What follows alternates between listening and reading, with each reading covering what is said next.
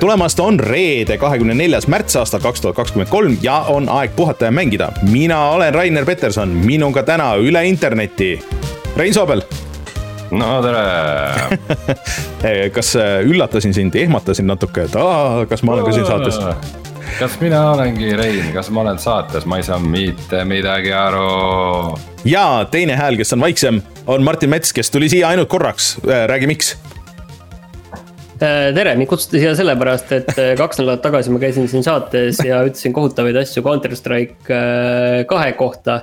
ja selgus, et need kõik asjad olid valed, nii et kutsuti vabandama ja selgitama, ma seda lühidalt teen ja, aga teeme kohustuslikud asjad kiirelt ära ja siis Martin räägib, et mis Counter Strike'iga vahepeal juhtus.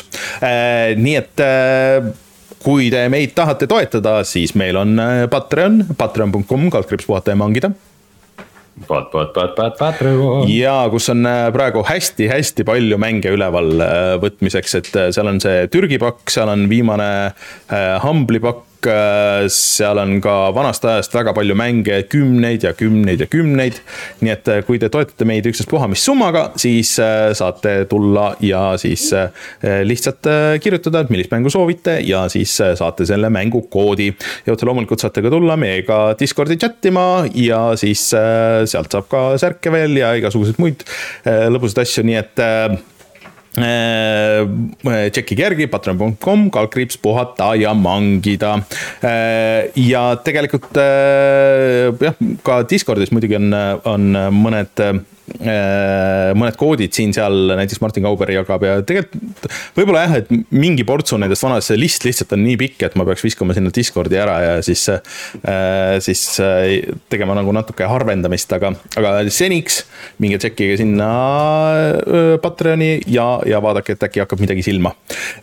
siis otse loomulikult ka loeme ette kõigi suurtoetajate nimed, äh, nagu näiteks äh, Taavi, Jutlustaja X, äh, Device null, Failissi, GameCAN, Kalevus, ML Linux ja Randroid ja kõik, kes meid toetavad, saavad ka siis meie mänguvideote lõputiitritesse, sõltumata sellest, kui, kui suur on teie panus, aga ilma teie panuseta oleks meil seda kõike väga raske teha.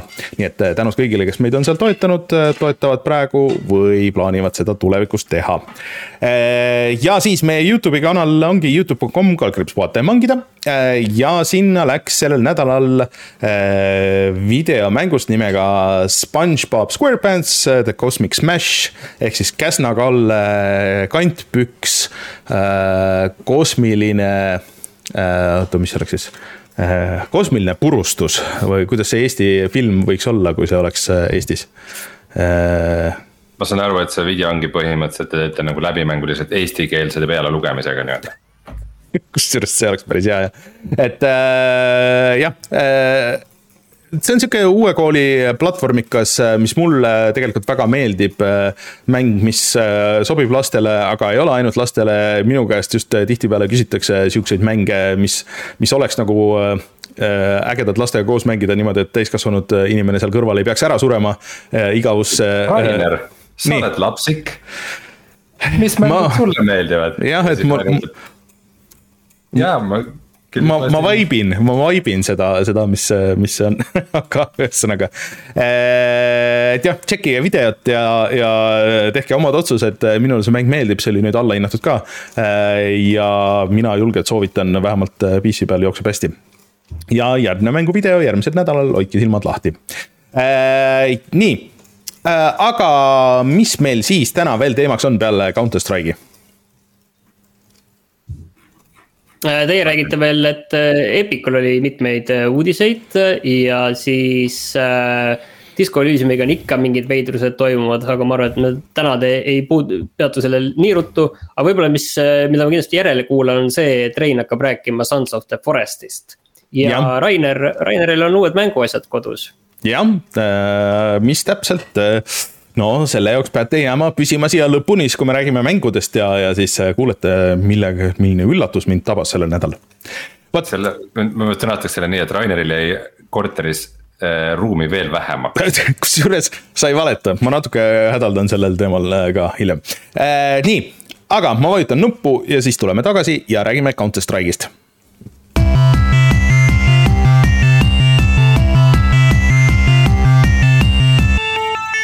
uudised. Martin, räägi siis, mis juhtus? nii, ja Counter Strike kaks äh, tuli välja äh, sellise piiratud äh, testiversioonis ja täielikult tuleb ta välja suvel ning on siis äh, tasuta äh, põhimõtteliselt mäng, mis vahetab välja CS-GO.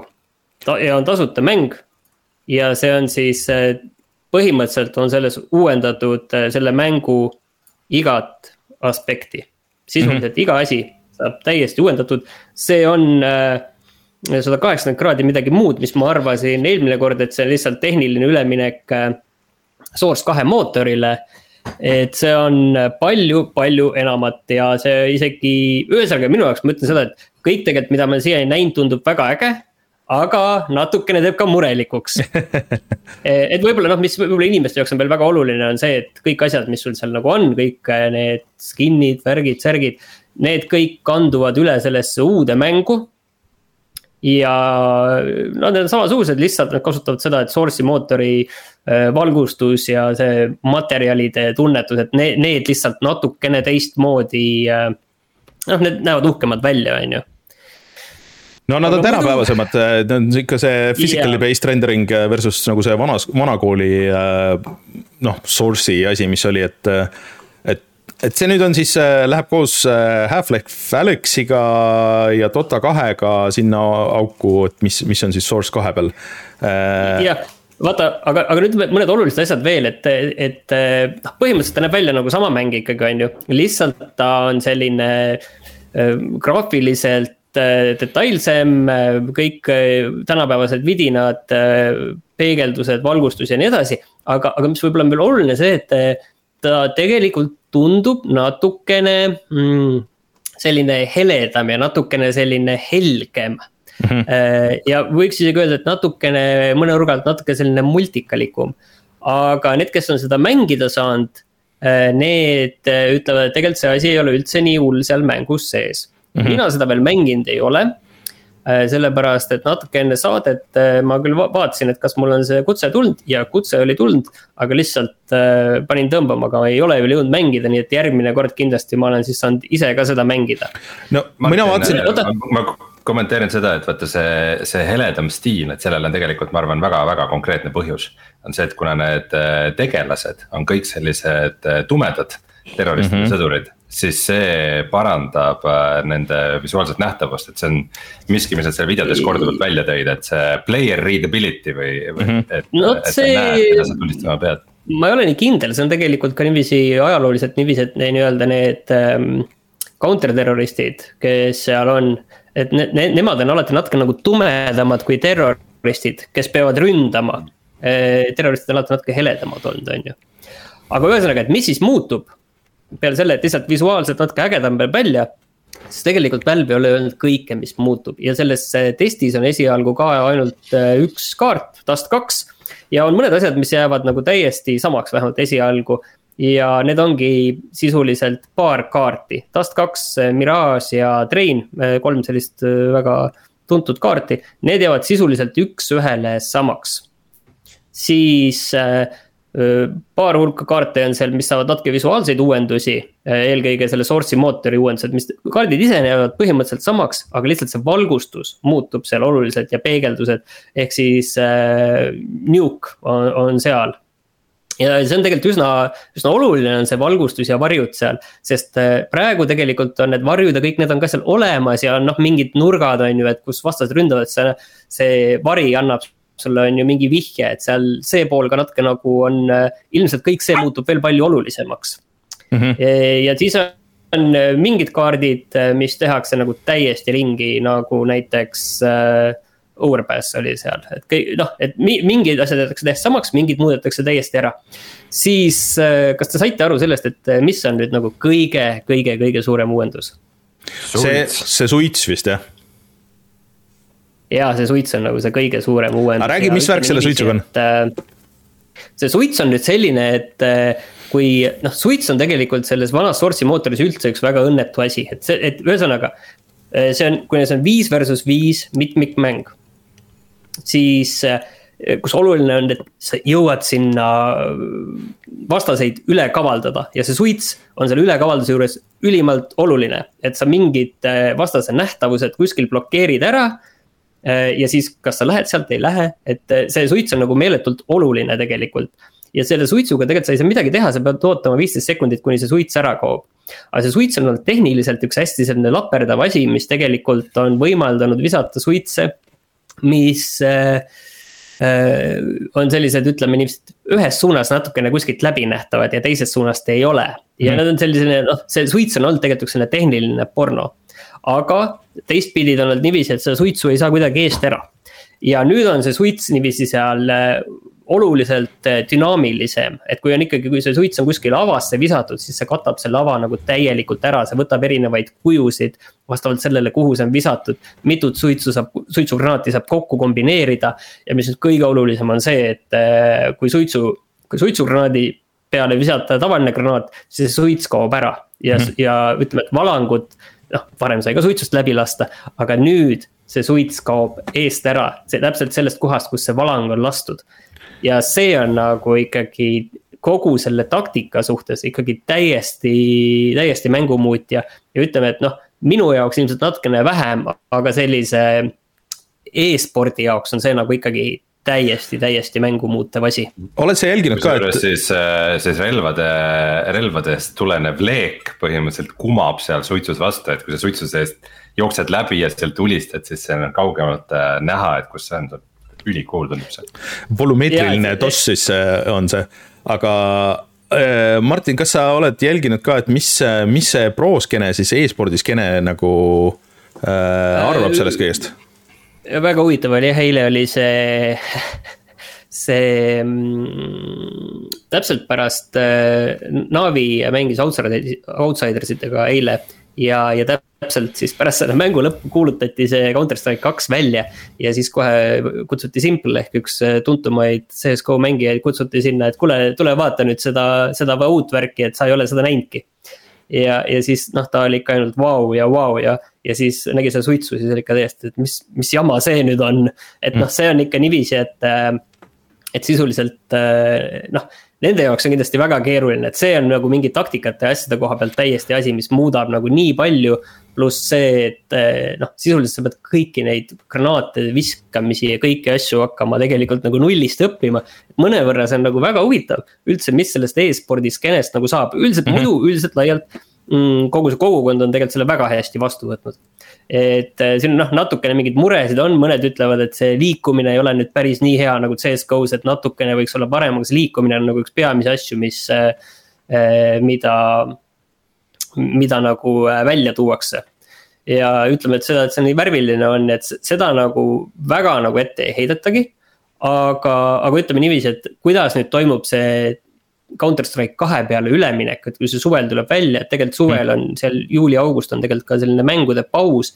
et kas pärast seda automaatselt liigubki kõik Counter Strike kahe peale, kas, kas me üldse, kas meie tavalised mängijad, kas me üldse saame pärast CS-GO-d veel mängida tegelikult, kas see vahetabki nagu selle välja?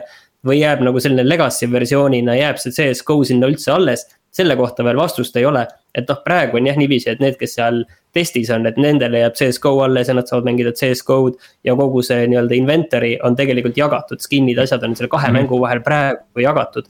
aga mis nagu pärast saab? et seda tegelikult ei ole veel eh, keegi öelnud. ja siis üks oluline asi oli veel, millest me rääkisime ka siin eh, kaks saadet tagasi, on see tick rate, et äh, see on natuke keeruline seletada, aga, aga vähemalt selgu-, tundub, et nad on selle probleemi ära lahendanud, et milles see point nagu on, on see, et äh, Counter Strike'is on aeg, mängusisene aeg jagatud tikkideks, et tava, tavamängijatel on ligipääsav, pääs-, pääsetav, kui nad ei mängi Face'itis. Äh, kuuskümmend neli tikkserverid ja Face'itis ja, ja sellises e-spordis on siis sada kakskümmend kaheksa tikkserverit. et see tikk, nagu ma, kui ma olen õigesti aru saanud, on siis äh, sisuliselt sekund jagatud kuuekümne neljaks äh, jupiks ja see tähendab seda, et tegelikult selle aja jooksul toimubki kuuskümmend neli äh, tegevust saab fikseerida ühe sekundi jooksul. et ükskõik, kui kiiresti sul mäng äh, kaadrisagedus jookseb, ükskõik kui hea su internet on. sellest hoolimata see mäng on jagatud kuuekümne neljaks asjaks ja ütleme, et see üks ajahetk selles toimub ükskõik, kas üks tegevus toimub enne või pärast. Noh, näiteks kui kaks vastast on vastamisi ja mõlemad lasevad samal hetkel. Äh, või ütleme, üks laseb teist ennem pähe, siis ja teine laseb teist, laseb küll ennem, aga need on ühe tiki jooksul, siis need registreeritakse võrdse asjana, kui hästi lihtsalt seletada ja siis nüüd igal juhul äh, registreerid, need tikid võetakse lahti ja seda muret nagu enam ei ole, see, mis on enne, on enne, see järjekord on nagu, kui mingi tegevus on enne teist, siis see nii on ka päriselt enne teist hmm.. et äh, noh, ütleme minu tasemel mängijale see ei ole nii oluline, aga see on rohkem selline e-spordi asi või ütleme ka, et äh, kes seal mm, sellises äh, natukene sellises eliitsemas skeenes toimetavad ja mängivad, et nende jaoks see tikk on kindlasti nagu väga-väga oluline asi. ja pluss siis on veel kogu see heli asi on ümber tehtud. ka relvade heli vastavalt sellele, et millises keskkonnas neid lastakse, mis on ka muidugi selline, sellise info koha pealt, selle koha pealt hästi oluline, et kas siseruumides, väljas, et noh, annab, anda vastastele informatsiooni. et seal on nagu hästi palju selliseid väikseid asju veel ja nagu ma ütlesin, et ilmselt see nagu ei ole. ma kujutan juba ette, kuidas mingi mingi üks plekk tünn on kuskil leveli nurgas ah,. ma kuulsin veidi plekiselt kõlas see, see lask, ma tean, et on nüüd seal kuidagi sealt, sealt veidike kõlas teistmoodi vastu. aga, aga selles suhtes ma pean ütlema, et tõesti väga julge nagu liigutus Valve'ilt, äh, arvestades, kui populaarne praegu äh, Counter Strike on ja siin just alles ju paar nädalat tagasi oli rekord, et äh, noh, kui palju mängijaid oli et see on kümme aastat vana mäng ja seda ikkagi nagu mängitakse nii palju ja nüüd teha nagu, et. et nagu sina pakkusid, et aa, ilmselt nad teevad siukse väikse update'i, et sa sada protsenti ei saa arugi, et, et midagi muutunud on. aga ikkagi minna nagu äh, punkt kahe peale, et see on, see on julge move. et vaata, see põhimõtteliselt ju see äh, Starcraftiga läks niimoodi, et äh, noh, Starcraft kaks ikkagi nagu ei, ei, et see oli nagu populaarne, aga ta ei olnud ikkagi see Starcraft, mis, mis see põhiasi see oli, see esimese osa e-sport nii-öelda ja see nagu natuke tappis selle skeene ära, nagu lõhestas ära kõigepealt ja siis tappis ära, et et see, see crossplay'd nagu nende siis äh, Counter Strike kahe ja siis äh, CS-GO vahel olema ei saa ilmselt, on ju ei, ei, nad on selleks äh, ikkagi piisavalt erinevad, pigem ongi küsimus see, et noh, et, et kui ma tahan nüüd nagu seda vana mängida, et kas mul nagu selleks nagu mingi mm -hmm. võimalus on. et ma kahtlustan, et nad võib-olla teevad niiviisi, et nad alguses, ei julge enam tead selle kohta kohta midagi arvata. aga, aga ma kahtlustan, et alguses nad teevad ikkagi selle ülemineku ära. aga siis võib-olla mingi hetk tekib see legacy variant juurde lihtsalt, et see üleminek teha nagu võimalikult äh, noh, võimalikult äh, kiireks, mis noh, tegelikult ongi selles mõttes kindlasti nende vaates on mõistlik. et kuna see mängijate hulk on praegu lihtsalt äh, niivõrd suur mm. -hmm ja, ja noh, nagu siin on, et ilmselt mingeid, mingeid asju on siin veel, noh kogu ui on nagu uuendatud igatpidi. ja siis muidugi äh, võib-olla maailma kõige olulisem asi, et äh, noh, kuna tegemist on FPS-iga, siis nüüd sul on ka jalad sa näed alla, muidu kui sa vaatad alla, siis sul ei ole all mitte midagi. aga, aga nüüd, kui sa vaatad alla, siis sul on äh, jalad. pluss veel noh, tegelaste liikumine kõik, et selles mõttes, et noh, muidu need tegelased on seal sellised noh. eks nad on sellised hästi puised, on ju. aga nüüd iga liigutus, mis sa ikkagi klaviatuuril teed, et see on noh, vastast lastele näha ka selles mängija mudelis tegelikult iga väiksem kui asi. et see on kindlasti noh, ütleme nii, et tegelikult see, see muudatus on põhimõtteliselt nii suur, kui üldsegi sisuliselt see nagu kuidagi no on üldse mõeldav või julgetav teha sellise populaarsusega mängu puhul. aga. käed värisesid, kui sa lugesid selle kohta ei, päris end see niiviisi, ahah, noh, okei okay,, niisiis jah. aga kas, kas see puudutab ka seda Battle Royale mode'i ja kas nad on midagi öelnud selle konsooli versiooni kohta? ei konsooli kohta mitte midagi, aga teiste mängulaadide kohta ei ole mitte midagi, et. okei okay., äh, minu, minu küsimused kõik said äh, Counter Strike kahe kohta vastatud ja, ega ma tõmbasingi joone alla ja näeme järgmisel nädalal oh. nii, ma vaatan, et kõik on korras. Äh, aga aitäh Martinile selle, selle ülevaate eest, et äh, äh, huvitav lugu, et ma pean ütlema, et tõesti, et, et ma olen väga-väga positiivselt üllatunud, et, et keegi nii populaarse mänguga nii radikaalse sammu ette võttis koer ei ole rahul sellega. ma olen sinuga päri, et mul on ka nagu mõnikord huvi olnud äh, Counter Strike'i vastu, aga mind ikkagi see, see vana jankiness ja nagu noh, sihuke üheksakümmend seitse aasta graafika ikka on nagu veidike, noh, minu, minu jaoks on olulised siuksed asjad ka, et muidugi, kui sa mängid seal juba, siis see enam ei ole nii oluline, aga. aga ma ei tea, ma kujutan ette, kuidas väga paljud mängijad ikkagi vaatavad seda, mõtlevad, no okei okay et see nüüd äh, Go ei näinud nagu nii hull ka välja tegelikult, et kui sa vaatad, et äh, jah, üks koma kuus näeb ikka väga halb välja, aga see Go oli nagu okei okay, sihukese kiire mängu kohta ja nii edasi, aga noh. ega kui ja kuigi mitte rääkida ainult graafikast, siis see, et vaata, kui mingi mäng on lihtsalt sada aastat täpselt samasugune olnud, siis kuidagi ei julge sinna sisse minna, et, et kõik Just. on seal, kes seal alles on, on nii prood, et, et siis kui sa tead, et see mäng nagu ikkagi veidikene muutub ja areneb, et siis siis see on ikkagi veidikene nuubidele kutsuma. Aga ma just kuulasin, kuulasin ühte podcast'i, kus räägiti sedasama asja ja siis öeldi, et tegelikult, et see on, see on ikkagi nagu nii populaarne mäng, et et seda vist ei pea kartma, et seal alati on teisi inimesi, kes on noh, samamoodi nagu sina just värskelt tulnud, et, et ja see tier imine vist seal on nagu päris hästi tehtud, et, et sind ikkagi pannakse kokku sinu skill leveliga inimestega. et, et, et seda ei maksaks vist karta, nii ma olen aru saanud mm. -hmm vot, aga nii palju siis CS-GO-st, järgmine nädal loodetavasti Martin on äh, tagasi ja siis, äh, siis äh, kuuleme, kuidas seda nagu päriselt mängida ka on, vähemalt seda ühte levelit. aga Rein, sinule ilmselt on isiklikult oluline see, mida Epic räägib, et kas sa jälgisid, mis, mis siis oli State of Unreal'i presentatsioonil? Äh, kusjuures ei jälginud, pole üldse jõudnud ennast sellega kursis hoida, praegu käib GDC. Äh, ja siis sellega seoses nad äh, seal pidid näitama oma seda Unreal Engine viis punkt kahte ja kõike seda, aga. aga peale selle ühe video, mis sina mulle postitasid, peale seda ma pole väga jälginud otseselt tegelikult nad kuulutasid seal välja nagu päris palju asju, peamiselt siis Unreal viis punkt kahe, mis on praegu juba tegelikult Fortnite'is sees ja seda. viis punkt kaks on just, Fortnite'is sees. jah, ja. võimalik on, see ei ole, see ah,. nojah, et Fortnite'i. see ei ole nagu avalikult väljas, aga ilmselt Fortnite'i tiim on siis nagu natukene ees kõigest jah et äh, see oli muidugi üks osa sellest, äh, et äh, noh, siis Unreal'i mootor on jõudnud sinna faasi, et kus tegelikult juba need punktuuendused toovad päris nagu suuri asju. aga et noh, et need on ikka väga tehnilised, et täiesti teistmoodi need materjalikäsitlused ja, ja siis mm, et, et kuidas sa saad üles ehitada avatud maailma, et sa teed põhimõtteliselt mingisuguse seti asju välja ja siis Unreal ise paigutab ja oskab neid, oskab neid äh, laotada ja siis sa pärast lähed neid mudima, äh, noh muidugi, eks paljud on nagu siuksed, et. et jah, et need kontseptsioonis on ägedad, aga, aga noh, ütleme niimoodi, et päriselu kasutus võib-olla ei ole nagu nii lihtne, on ju.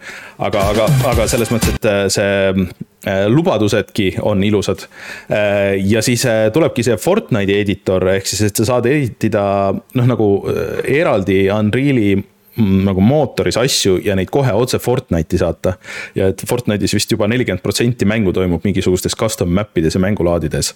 et äh, sa saad kohe sinna teha neid asju ja, ja siis, ähm, siis ei pea nagu konvertima kuidagi ja MetaHuman, see on siis äh, Epiku see nagu tegelaste ja inimeste generaator saab ka mingid päris suured uuendused, et kus sa saad siis otse selle iPhone'i LiDAR'i data äh, panna sinna MetaHumanisse ja sa saad sealt kohe nagu selle facial capture'i otse kohe sinna. Äh, kõigepealt siis MetaHumanisse ja sealt otse Unreal'i panna, et, et enne pidi vist selle jaoks nagu natuke trikitama, et see oli põhimõtteliselt võimalik, aga nüüd nad on vist streamline inud seda kõvasti et äh,. kindlasti varem lidarit kasutas, ilmselt mõtlesin, et ma olen, olen, olen, olen teinud jah, et ma just, ma just teangi, et selle pealt, et sina oled teinud seda, et aga et see vist enne ei olnud nagu nii lihtne, kui nad vähemalt nagu selles mm. promos nagu väidavad. ja siis äh, kõik need erinevad äh, äh Epiku poed, noh, mis praegu on siis, on see Quixel ja siis. kas sa isegi, ma, kus, sorry, ma nüüd nii. panen suhteliselt puusalt äh,, sest ma just lugesin mingit snippetit selle kohta mööda minnes, aga et äkki oli see, et enne oli ainult facial capture, aga nüüd on ka mingid see, et sa saad põhimõtteliselt nagu motion capture'it teha. täitsa võimalik. ma... et sa saad ringi joosta ja hüpata ja siis oma nagu liikumise hmm., oma keha liikumise panna tegelasele. ma nii hästi sellesse osasse nagu ei süvenenud, sest et noh, mul äh, eluliselt võib-olla seda hetkel nagu pole nii palju vaja, et äh, ja see on iga hetk on nagu muutumises, aga ma tean, et see, see üks teine põhi äh, firma Rococo on ka nagu nüüd selle peale läinud, et saab sealt videost nagu otse kätte selle, et ma ei, ma ei imestaks. aga nad näitasid ka seda Senua's Sacrifice'i treilerit, mis nägi väga hea välja. ja siis ka et ühesõnaga jah, kõik need, kõik need siis Unreal'i asset ite poed, et praegu neid on kolm või neli erinevat, et need pannakse kõik kokku üheks, et kus sa saad osta ja saad tasuta asju ja, ja jagada kraami ja panna müüki. Et need saavad olema siis nüüd üks. et see on tegelikult mugavuse mõttes nagu päris, päris äge. aga jah, et siuksed tehnilised asjad, äh, et peaks tegema nagu mängu tegemise oluliselt jälle taaskord lihtsamaks, äh, et sa saad väiksema tiimiga teha suuremaid asju. natuke mainiti mingisugust imelikku avatud metaversi asja, Tim Sweeney mainis, millest ma täpselt nagu ei saanud aru, mis see tähendab, aga et see ei tähenda hetkel kohe mingit NFT-sid ega virtuaalreaalsust, midagigi, aga aga selles mõttes, et äh, jah, et, et nad keskenduvad sihukestele virtuaalsest või mitte ei keskendu, aga avavad ukse rohkem ka sihukestele virtuaalsetele äh, kontsertidele ja sihukestele elamustele ja asjadele, et mis ei ole nagu täis mängud, aga midagi sihukest, mis praegu on nagu võib-olla keeruline müüa või nagu, et kust sa tõmbad ja teed, et, et äh, ju nad näevad seal mingisugust äh, turgu, äh, mis on veel, veel kasutamata. Äh, et põhimõtteliselt nagu huvitav. Äh, ja ma ei tea, ma nüüd ei tea, millal täpselt see äh, uus Unreal'i versioon kasutajate kätte jõuab. aga loodetavasti vist äh, siin millalgi ka suvel, kui ma õigesti, õigesti aru sain, igatahes suht varsti lootus oli, et nad ikkagi lasevad selle GDC ajal välja ja ütlevad ja see on nüüd väljas no, aga tundub, et siiski mitte. no seal oli palju siukseid asju, et ma vaatasin küll, et äh, ai, sina, kes sa teed äh, avatud maailma mängu äh, sisuliselt äh,. kus on palju metsa ja, ja igasuguseid asju, siis et see peaks sulle, sulle olema äh, huvitav nojah, lihtsalt see Unreal Engine viis ja viis punkt üks on veel nii katkised ja poolikud, et nendega nagu mm. päriselt tegelikult äh, mängu teha ei saa, et me nagu hoiamegi siin asjadel silma peal mm..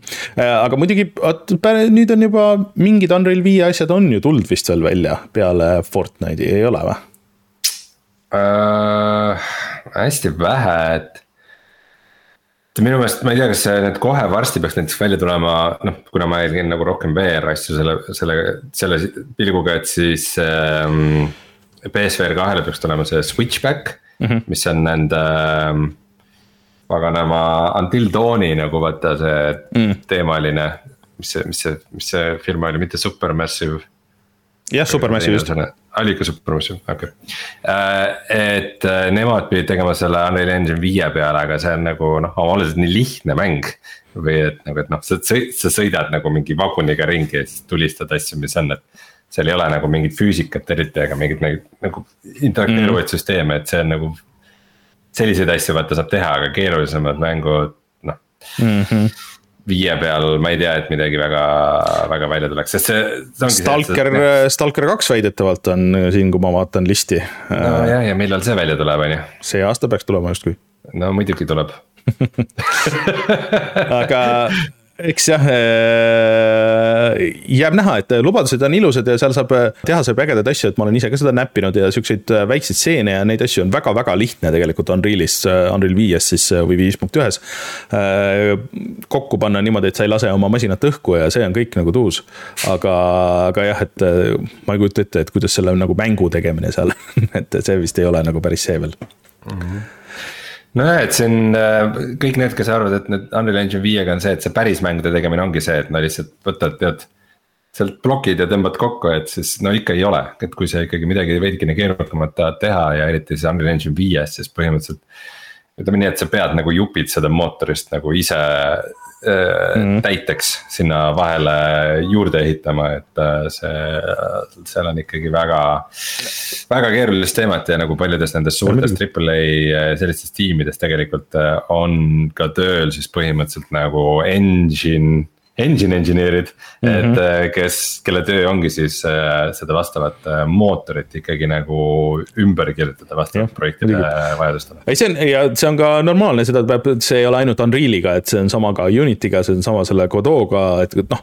mingid väga lihtsad asjad sa saad kindlasti tehtud niimoodi, et, et sa ei pea väga mõtlema seal, aga, aga lihtsalt, kui sa lähed keerulisemaks, siis äh, nii see käib, lihtsalt vanasti sa pidid seda oluliselt, oluliselt, oluliselt palju rohkem tegema, et sul mingid põhiasjad, mis on kõigis nendes mootorites nüüd sees, noh, alates moot-, sellest äh, kaamerast ja, ja kõigist nendest või sellest, et kuidas toimub äh, puldiga tegelase juhtimine, vanasti sa pidid kõik käsitsi tegema iga kord, noh, nüüd sa saad selle, selle saad track drop ida vähemalt. Jah, et kui me täna siin hakkame rääkima siis Sons of Forest'ist, mis on äh, erakordselt ilus Unity mäng siis mul on üks sõber äh, Unity arendaja ja siis ma ütlesin talle, et äh, vaata, et kui kena Unity mäng, et ilmselt kõige, kõige ilusam Unity mäng siiamaani graafika poolest, et kuidas seda siis Unity's teha saab. ja ta ütles, et, et ainus võimalus sihukest, äh, sihukese visuaaliga mängu teha Unity's on see, et näed, Sons of Forest'i tiim siis pidi ilmselt kogu render engine'i nagu nullist uuesti ehitama või nagu oma render engine'i tegema mm, -hmm. nagu default default unit'i sul sihukest asja lihtsalt ei võimaldagi. no näiteks noh, see algusest peale, et. Unity'l, Unity'l oli mingisugune oma mingisugune render pipeline, mis oli just sihukese fotorealistliku stiili jaoks. see, sest vaata Unreal on rohkem nagu fotorealistlik stiil mm, -hmm. Unity's on neid, noh, sa võid teha rohkem hästi erinevaid äh, asju lihtsamini. ja siis äh, Unity hakkas ise äh, tegema mängu sellesama süsteemiga, et demonstreerida, kuidas see toimib ja siis üks hetk nad jätsid selle pooleli, sest et see on liiga raske see, see oli päris hea lugu jah. et, äh, kui sa, ütleme, kui sa oled stuudio, kes nagu petib sellele, et oo oh,, et ehitame sellele süsteemile, see areneb edasi. ja siis nagu Unity ise ütleb, et kuulge me tõstame käed püsti nagu siin ei jää enam midagi teha, et siis uh, good luck. see on jah päris, äh, päris hea signaali saadab välja nagu. aga jah, me oleme väga sügavuti siin praegu äh, mootorites ja, ja nii edasi, et see võib-olla. jah, lihtsalt, lihtsalt miks ma seda räägin, on see, et väga palju kohtub sihukest, sihukest arusaama ka meie Discordis, mõned inimesed on väljendanud selliseid seisukohti. et mis see nagu mängumootoriga mängu tegemine ikka ära ei ole, et ei see ikka jah, see on, ikka on. ikka on jah. ikka on üht-teist seal tegemist veel, pussimist aga rääkides siis äh, Unitist, äh, siis äh, mis toimub meie Eesti mängumaastikul, et me eelmine nädal natuke rääkisime siis Disco Elysiumist ja, ja sellest, et tundus, et võib-olla, et äkki hakkab see värk lahenema kõik, aga selgub, et ikkagi mitte vist jah. no see nüüd paar asja on ju, esiteks vist tuli välja see suurepärane uuendus. aa, ah, see tuli jah. Eh, collage mode Disco Elysiumile, sest et Disco Elysium, mis siis oma, oma ütleme, mis mängumaailma lauba tõstis märksa kõrgemale, kui see enne oli. ju loomulikult vajas sihukest mode'i, kus sa saad tegelasi panna totakatesse poosidesse. Neile klepekaid ja märke peale panna ja, ja siis äh, siukseid miime teha ja neid äh, postitada sotsiaalmeediasse, sest see. see ongi ju see, mis on põhimõtteliselt yeah. nagu kogu selle Xiaomi ja Disco Elysiumi olemus mille peale fännid ka väga rõõmsad olid loomulikult äh, räägin siin ülisarkastiliselt, kui keegi aru ei saa. aga siis see justkui, justkui oli tõestus selle kohta, mis teie just rääkisite, kuidas see Saum väitis, et noh, et kogu see kohtu case'ide teema, et see on nüüd läbi sellega on nüüd korras uh. -huh, lootsime. Äh, kõik, kõik on, kõik on sõbrad ja midagi sihukest ei ole, siis äh, siis äh, Sander Taal ja Robert Kurvits äh, siis äh, avalikult kirjutasid, et ei, kindlasti, kindlasti ei ole läbi, et mitte nagu sinnapoolegi äh,. ja põhimõtteliselt vist ainus, mille baasil see uudis oligi, oli see, et Kaur Kender vist võttis oma hagi tagasi, et ütles, et jah, et ma saan nüüd aru, et, et Äh, et ma eksisin ja see oli valedel alustel. ja see võimaldas justkui Xiaomi'l teha pressiteate, öelda, et nüüd on kõik korras. et see on ikkagi kuidagi nagu ilmselgelt äh, meedia ja võimalike äripartnerite ja investorite eksitamiseks genereeritud mm., genereeritud libalugu, et midagi korras oleks. Ja mida ma kõige rohkem võib-olla imestan, on see, et äh, härrased puhatajamängide podcast'is eelmine nädal, äh, kui mind ei olnud, selle konksu alla neelasid. Rainer, mida sul on enese kaitseks öelda? et ma ei tea, mul lihtsalt oli lootus oli nii suur, et võib-olla nad ikkagi nagu lahendasid selle värgi ära äh, väga optimistlikult ja naiivselt mõtlesin, et, et, et aeti laiali ja, ja minnakse kuidagipidi edasi, aga, aga ega ilmselt mitte, et, et Äh, rahad on suured, äh, õigusi on palju rikutud äh, ja takist-, takistatakse üksteisel töö tegemist, nii et ega see ilmselt, ilmselt oli jah, väga ennatlik minust, ütleme nii jah, nii et kahjuks see, see Happy Black äh, Eesti, Eesti mängumaastikul, mis peaks olema kõige ilusam asi üldse yeah., mis kunagi juhtunud on, et see ei ei lõppe, aga no ütleme, see, see collage mode ikkagi minus ka tekitab natukene kummastust, et miks nad sellise asja üldse tegid, et. et see, see tõesti, kui ma, kui ma oleks selline, selline mingi Disco Elysiumi fänn, kes lihtsalt nagu loodab, et. kellele üldse mäng meeldis ja loodab, et, et sealt tuleb nagu häid asju veel ja mingi äge järg mhm. kunagi mm -hmm. ja. ja siis, kui nagu sihuke asi tuleb, siis see on küll sihuke märk nagu, et. aa, et okei okay,, see see, see trajektoor vist, et kus asjad hästi lähevad vist ei ole enam eriti tõenäoline. lihtsalt põhiline see, et, et, et, et ma saaks aru fotomoodist, et sa saad teha siukseid düstoopilisi äh, postkaarte kuidagi. aga see on lihtsalt maailma kõige, hoopis teisest stiilist mingisugused äh, emoji'd sinna peale. Äh, oi košmaar minu meelest on see kõige parem ja mis käib, võtab selle kõik ilusti kokku. et nagu mik-, nagu see on, siia on läinud ju, just rääkisime mänguarendusest, see ei ole niisama, siia on läinud, inimesed on teinud, näinud vaeva, teinud seda, et see saaks. see on launch itud ja testitud ja QA tud, et see jõuaks igale poole, et milleks nagu et kus, kus, kus nagu Martin küsis, et kus Excelis see hea idee tundus? et äh, kahju, äh, aga eks hoiame teid kursis, kui tuleb jälle uudiseid, äh, loodetavasti pigem positiivseid teine asi, äh, mis sellel nädalal, pigem isegi täna, kui me saadet lindistame, toimus, äh, mis ma loodan. See on nagu üsna kahtlane, aga. oot, oot, oot, ega meil äkki failis midagi sassi ei ole läinud, et ega see äkki retro rubriigi mingi uudis ei, ei ole, ole kahjuks. no otsapidi. Atari, Atari ostis Quake'i stuudio Eh, jah, jah, see põhimõtteliselt võib ka niimoodi tõlgendada. Eh, ehk siis Atari, mis tänapäeval, ütleme niimoodi, et pärast seda Atari viitekümmend, noh, et seal vahetus juhatus mõni aasta tagasi ja. ma sain aru praegu, et ma olen sulle tervelt kümme aastat ette öelnud, kuidas Jaapani asju valesti hääldasin ja ma ise hääldasin Atari, mul on ja. nii piinlik Äh, see tegelikult ei ole ju Jaapani asi, et see on, see on ju täiesti USA firma. Äh, aga et äh, sellel on uus juhatus ja see uus juht siis Atari viie, viiekümne selles doki osas vähemalt ütles, et tema, ta on väga suur fänn, mängude fänn, see on tema jaoks väga tähtis, ta on sellesse panustanud ja tema nagu noh, tema on see põhjus, miks see Atari viiskümmend oli üks minu lemmikmänge eelmisel aastal, et see on nagu väga äh, äge viis, kuidas arhiveerida äh, vanu mänge. Äh, ja siis äh, tuleb välja jah, et nad ostsid ära siis äh, Night Dive'i, Night Dive'i stuudio on siis kuulus jah, nüüd selle Quake'i remaster'i ja teiste sihukeste varajaste 3D mm, mängude väga heade remake'ide poolt, ehk siis nad tegid selle Bloodi remake'i. Äh, nad tegid Shadowmani, nad tegid need Turokid uued. Äh, aga nagu Rein ütles, siis äh, ammu ei ole nii väikseid numbreid näinud. ehk siis see summa esialgu on kümme miljonit ja see, see makstakse välja järgmise kolme aasta jooksul Äh, sõltuvalt siis sellest, et äh, kui hästi Night Dive perform ib.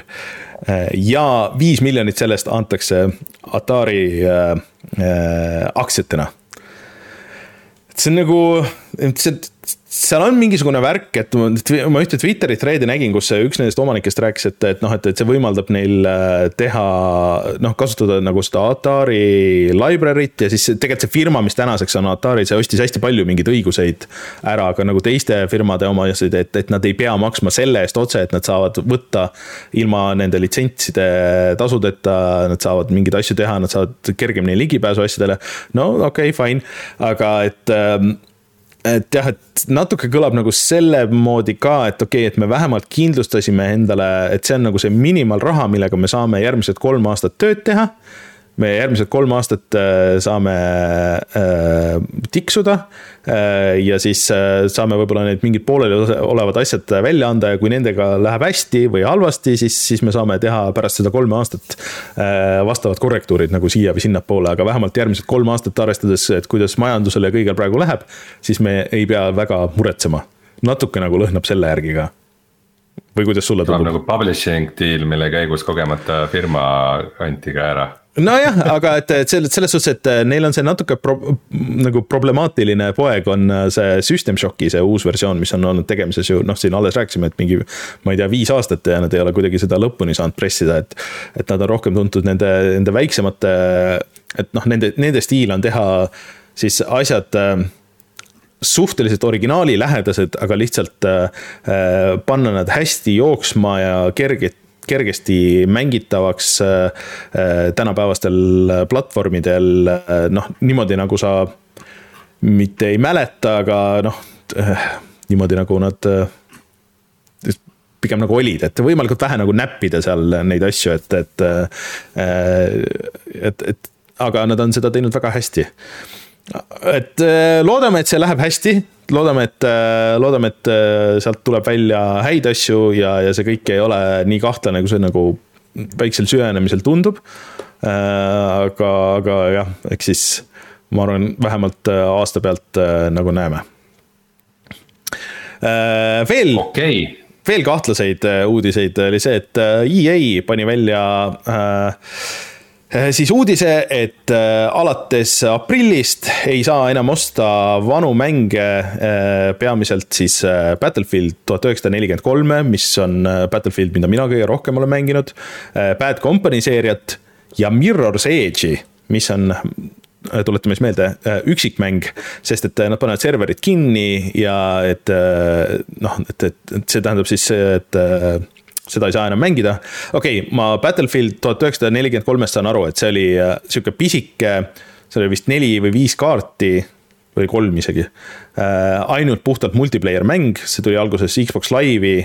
Äh, mulle see väga meeldis, see oli, oli cool, aga noh, okei okay,, seal võib-olla mängijaid nii vähe. aga võib-olla võiks jätta selle tiksuma, no ma mingi paar aastat tagasi proovisin, mul ei olnud küll mängu tegelikult sissesaamisega mingeid propse Äh, arvestades, et praegu veel Battlefieldi ei ole ka nagu niimoodi tulemas. ja Bad Company'l mõlemal oli ju tegelikult suhteliselt äh, pikk äh, single player mõlemal ja mis oli ka isegi hinnatud, et sa said seda vist go-op'is ka mängida, kui ma õigesti mäletan. mis oli tuus. aga läks natuke mööda paar tundi ja siis öeldi, et aa, okei okay,, sorry, sorry, et me selle Mirror's Edge'i ikkagi jätame alles, et äh, mingid leaderboard'id sealt äh, kaovad ja mis iganes, äh, aga see ei ole nagu nii väga oluline, aga et see jääb siiski alles ja ostetavaks, aga need Battlefieldid siiski kaovad. et äh, see on ikkagi nagu nõme, et nüüd jääb ainukeseks võimaluseks, kui sa tahad kunagi nagu mängida või osta neid, siis äh, noh, sa pead selle ilmselt siis füüsilise, kui sa konsoolil tahad mängida, füüsilise hankima ja see ei ole enam tänapäeval üldse nii lihtne. tavaliselt kõik need mängud, mis niimoodi maha võetakse, siis need füüsiliselt lähevad hullult kalliks kohe. et äh, äh, jah, kahju. see on see mängude alleshoidmise teema nagu. no see selles mõttes on hea meel, et Piraadileht ikka olemas on, kui. no jah, ise siukseid asju teevad. aga et, et see ongi nagu, et, et kui sa ise niimoodi teed, siis noh, community'l ei jää midagi muud üle, et, et. et sina vist jagasid seda päris head, seda artiklit, mis John Carmack kirjutas, et, et noh, et. et, et isegi kui sul jääb, sul on ainult seal need mõni tuhat mängijat, kui need mõni tuhat mängijat on sul nii kaua seal olnud ja support inud seda, siis noh, nagu respekt nende vastu kaalub üle selle väikese rahalise kulu, mis sul see üks server seal võib-olla seal äh, kuskil nurgas või see üks server instance seal kuskil võtab, et, et äkki ikka tasuks jätta nagu käima need siuksed asjad. aga no eks me seda näeme järjest rohkem, et mida rohkem mängud äh, saavad olema siuksed äh, always online game as service tüüpi lahendused, siis üks hetk ja noh, mida aeg edasi, seda, seda kiiremini see üks hetk kätte, kätte tuleb, tuleb see aeg kätte, kus need pannakse kinni ja siis tõmmatakse see mäng maha ja sulle jäävad ainult ilusad mälestused ja võib-olla mõned videod tänapäeval, et ja that's it. et mm -hmm. nii, nii see on jah, see no-clip'i Beyond Good and Evil'i video tuleb selle peale kohe meelde. aga Rainer, kas sa mängid nüüd Elden Ringi uuesti läbi, eks? sa naerad, sa naerad, aga. seal on nüüd ray tracing jah, et eh, Elden Ring saab hästi suure update'i, et eh, noh, kõige suurem rida seal muidugi tõesti on see, et, et kõikidel platvormidel tuleb nüüd ka ray tracing, pigem ma peaks sinu käest küsima, Rein, et kas sa lähed tagasi Elden Ringi nüüd, kui sul on uus võimas graafikakaart ja sa saad seal panna selles Elden Ringi maailmas ray tracing'u sisse, et see on minu meelest need nagu Frommi mängud pole kunagi nagu erilised lukkerid olnud. kurat, ma ei tea, ray tracing ma ei taha nüüd spoil ida, aga need mängu lõpualad ja seal, seal see võib olla ikkagi nagu päris tuus, et äh, nagu natuke tahaks minna lihtsalt äh, noh, nagu seda virtuaalset turismi tegema, et, et, ma just kustutasin ära nagu paar nädalat tagasi selle, jälle mingisugune sada giga nagu alla tõmmata. natukene sihuke, võib-olla peaks minema tšekkima, et ma kahtlustan muidugi, et see konsooli tõmbab suhteliselt umbe äh,. aga natuke on nagu jah, aga, aga võib-olla ma kannatan ära selleni, kuni see DLC kunagi tuleb, sest et seda ma kindlasti tahan mängida. aga kes ei ole praegu Elden Ringi mänginud, näiteks ostis selle praegu siit Steam'i allahindlusest, kus oli vist natuke nõks oli alla tõmmatud või, või äh, on pooleli, siis äh, tšekkige kindlasti järgi. kuigi noh, et arvestades, et Elden Ringi niigi on suhteliselt nõudlik mäng, siis äh, ega see frame rate'ile ilmselt head ei tee, ma kahtlustan.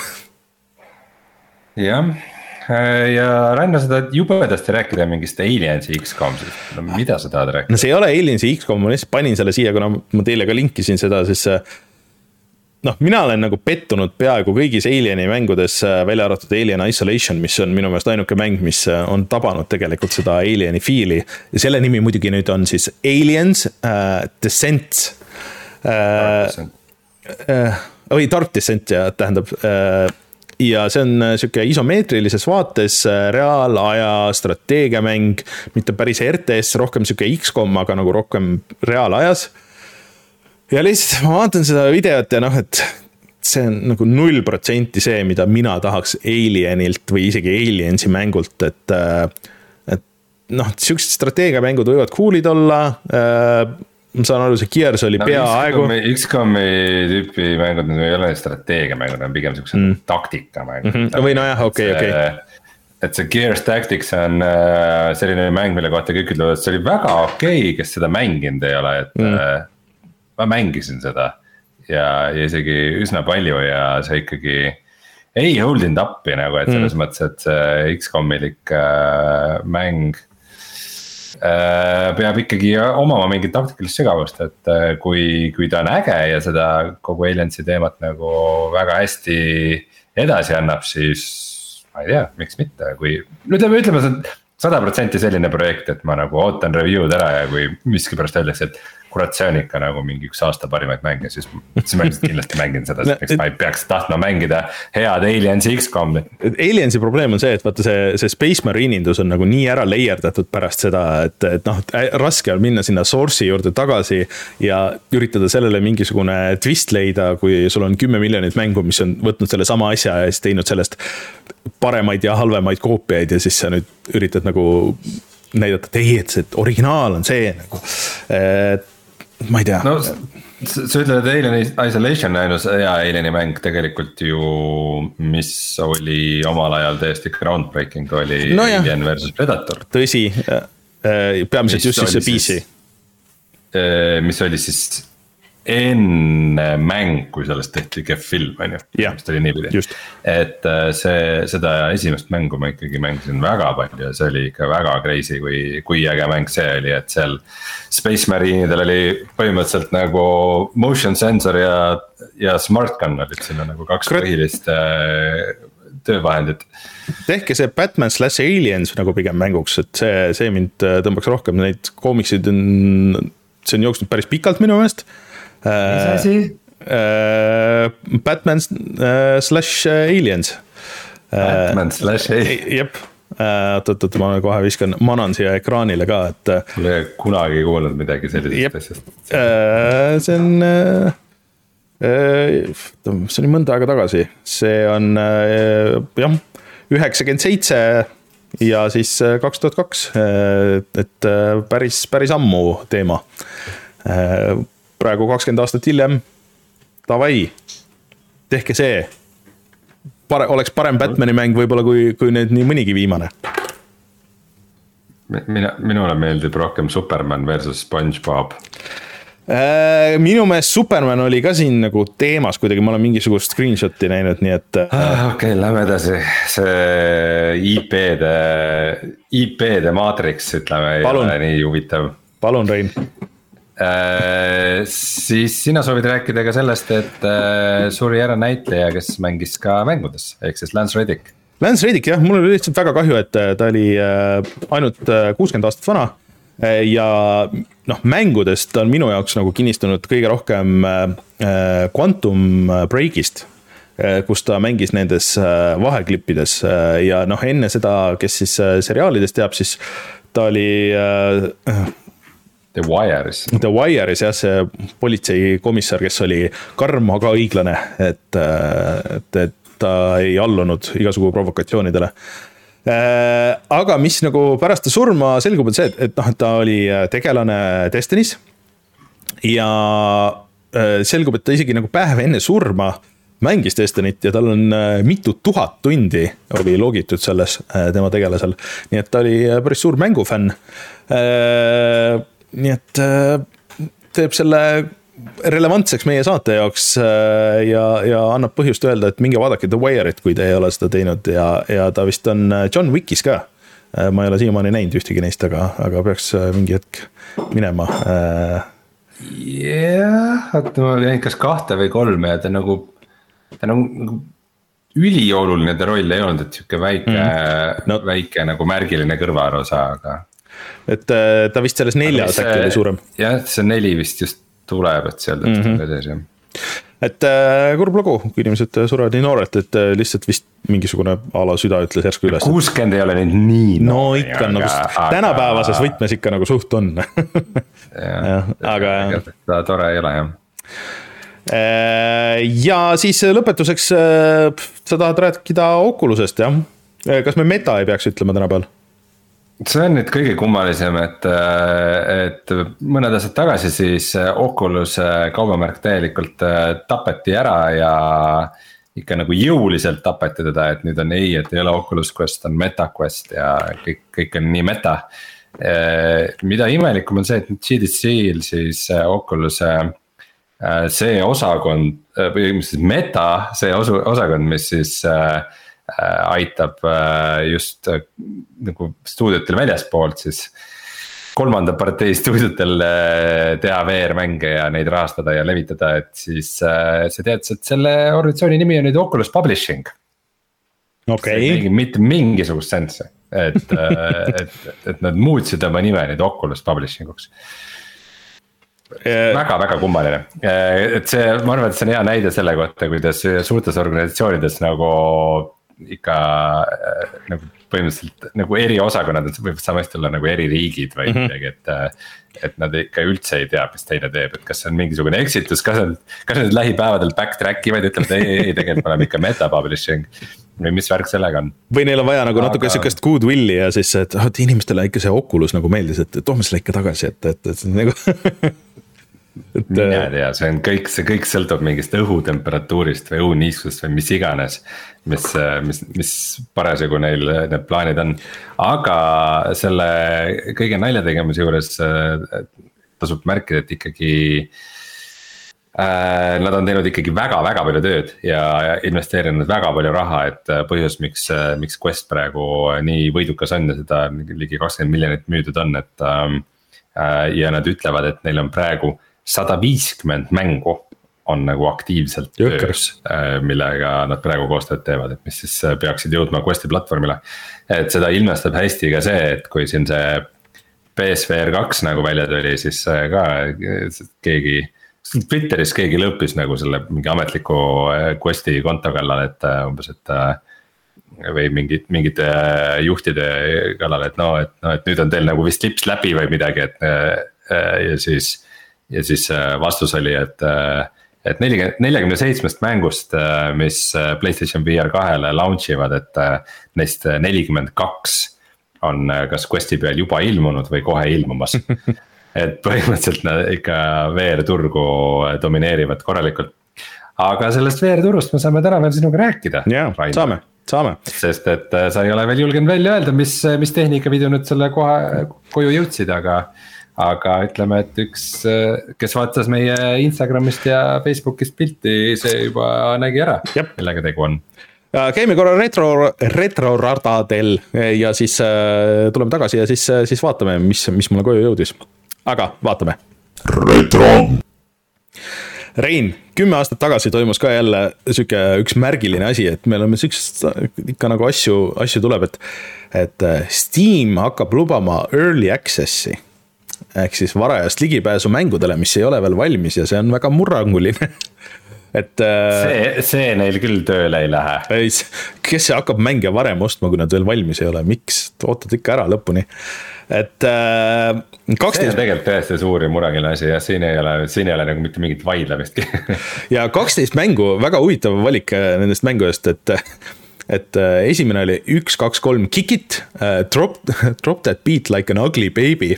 sihuke mäng oli, siis oli Arma kolm uh,, siis oli mäng nimega Drunken Robot Pornography siis oli mäng nimega Gear Up, Gnomoria Genshi ja Kerbal Space Program, esimene oli, oli tegelikult nii, teine osa, vaata just tuli ka early access'i ja inimesed ei ole rahul sellega üldse siis. Genshi on muidugi huvitav, see on, see on ka vist mingi selline mäng, mis siiamaani on nagu mingi üliambitsioonikas, üli, üliveidratesse asjadesse võib minna, aga vist ikkagi jätkuvalt väga-väga katki ja väga kole ma isegi ei tea.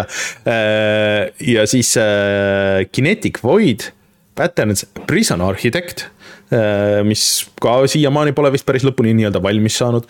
Äh, Starforge, mis, äh, oota, kas see ei olnud meie? Mulle ei tule üldse meelde, mis asi see Starforge, ma. kuidagi hästi tuttav on. ja ei, Under the Ocean. ma pole kunagi varem näinud seda Starforge'i okay., väga kummaline. ühesõnaga see Starforge pole veel väljas, see pole ühtegi user review'd ja see, ja selle release date on märgitud teine veebruar kaks tuhat kakskümmend üks. no sellega vist on halvasti läinud vahepeal, ma kardan. et äh, aga selles mõttes, et, äh, et see tegelikult ikkagi muutis mängundust äh, noh, nagu sellisena, nagu ta oli selle ajani olnud et äh, mängud ei ole kunagi enam endised olnud, ma arvan, pärast seda. et kas heas või halvas, seda, seda ma nagu ei oska öelda. Aga siis, äh, siis me rääkisime, et Carmagedonist tuleb uus mäng, mis tuligi ja oli kohutav. Ja siis nad tegid selle uuesti ja siis mitte keegi ei rääkinud sellest ja pärast seda pole ühtegi Carmagedonit tulnud veel. Ja. Bastioni tegijatelt uus mäng nimega Transistor kuulutati välja ja et Xbox'i mängud jooksevad äh, ainult kõvakettalt, et plaadilt ei saa üldse mängida, et see oli ka ikkagi suhteliselt murranguline värk, et äh, muidu ikkagi sul plaat oli kind of oluline, aga plaat äh, siiamaani on sihuke, see on ainult see omandi tšekk. eks ülejäänud tuleb kõik internetist suures plaanis oota, sorry, ma sellest Bastioni asjast tahan muidugi pikemalt rääkida, et äh, see Supergiant oli siis see ettevõte, kes äh, selle tegi, mida ma kartsingi mm -hmm. enne Supermassive'iga segi ajada. Äh, ja nende mäng, sest Transistor ei olnud minu meelest, ma üritasin seda mängida, minu, mulle ei meeldinud see üldse, ma ei viitsinud seda eriti mängida. siis nad tegid selle mingisuguse väga veidra korvpallimängu. Slash RPG ja siis nad tegid Hadese, millega nad siis need leidsid taas oma mojo. aga ükski nendest mängudest ei võetud halvasti vastu ja need müüsid ka nagu tegelikult okeilt, et äh, nad ei olnud ükski nagu päris Bastion, aga, aga Pyre oli see, see üks mäng neil vahepeal. Äh, aga selles suhtes jah, et nad olid võib-olla nagu natuke liiga twistiga ja Transistor vist oli kinda igav nagu natuke, et mul no, kõik. okei okay., ma ütlen selle Hadesel on äh, Steamis üle kahesaja tuhande arvest-, arvustuse ja Pyre'il on seitse tuhat, et äh, seitse versus kakssada tuhat, et noh. ikka ma ütleks, et natukene erinev edukus. ei tõsi, ei seda selles suhtes küll, et äh, aga, aga kindlasti vist ei saa öelda, et, et sellel nagu otseselt halvasti oleks läinud, siin äh, player data ütleb mulle. ikka läks halvasti. et viissada tuhat kuni üks miljon omanikku sihukese väikse tiimi kohta pole halb, isegi praegu mängib üheksateist inimest, nii et, et ei ole hullu Need, kes taha uut NBA-d osta. jah, äh, ja siis äh, lihtsalt viimane naljakas asi siit on see, et kas sa mäletad seda teemat, Wii U muidu on olnud uudistes viimasel ajal, sest et need hakkavad ära surema ja et ja nüüd pannakse see pood kinni. Aga et sellele suremisele on leitud lahendus ja see oli väga hea video, kuidas siis The Completionist ostis kõik saadaolevad mängud kahekümne kahe tuhande dollari eest Wii U-le ja, ja mm, 3DS-ile siis, et ma soovitan minna vaadata seda, see on väga hariv, kui keeruline see on. aga Wii U-l oli üks lisapiirang, ühesõnaga siis, et, et kui sa tahtsid osta kaheksateist pluss reitinguga mängu, noh, sihukesest, noh, mingid a la Batmanid ja mis seal olid, siis sa pidid seda tegema pärast kella üheksat õhtul jah, neti, netipoes see, see ikka müstiline, et see on ainult Nintendo saab sihukese asja teha, et sihukese asja pealegi tulla. fantastiline jah et äh, jah, aga mina mängisin Sleeping Dogs'i ja, ja sina olid mänginud Starcraft äh, Heart of the Swarm'i, kas, kas see oli see esimene lisa või? Äh, Starcraft, Starcraft kaks Heart of the Swarm oli siis Sergi kampaania ehk siis esimene lisapakk, mis mm. tuli siis Starcraft kahele jah, ma olen jah, sada protsenti kindel, et me tegime sellest ka video. ja, ja tegid. selle video ma vist tegin niimoodi, et äh, ma tegin kõigepealt video nagu üksikmängu osast ja siis kutsusin kol-, külla ühe, ühe profi. kes siis äh, tutvustas seda mitmikmängu, ma kahjuks mm -hmm. ei mäleta ta nime Sander Sander midagi.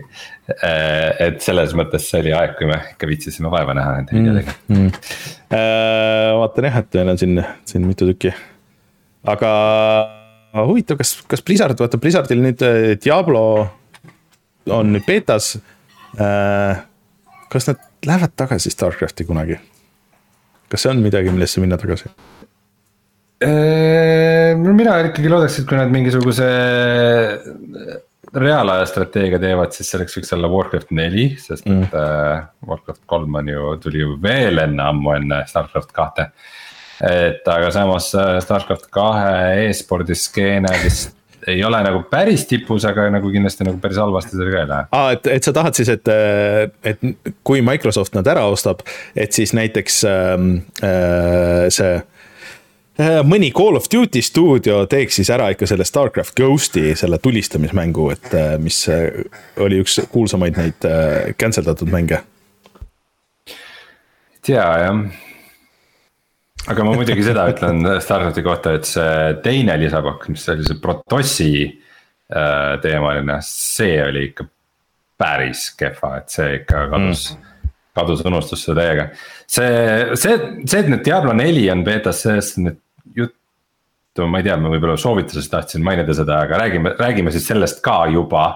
et äh, eelmine nädal siis oli Diablo neli, mis tuleb välja sellel suvel Äh, siis äh, kinnises betas, et kus seda said mängida ainult, ainult need käputäis inimesi, kes selle juba ostnud on, keda vist tuli välja, et juba on miljonites.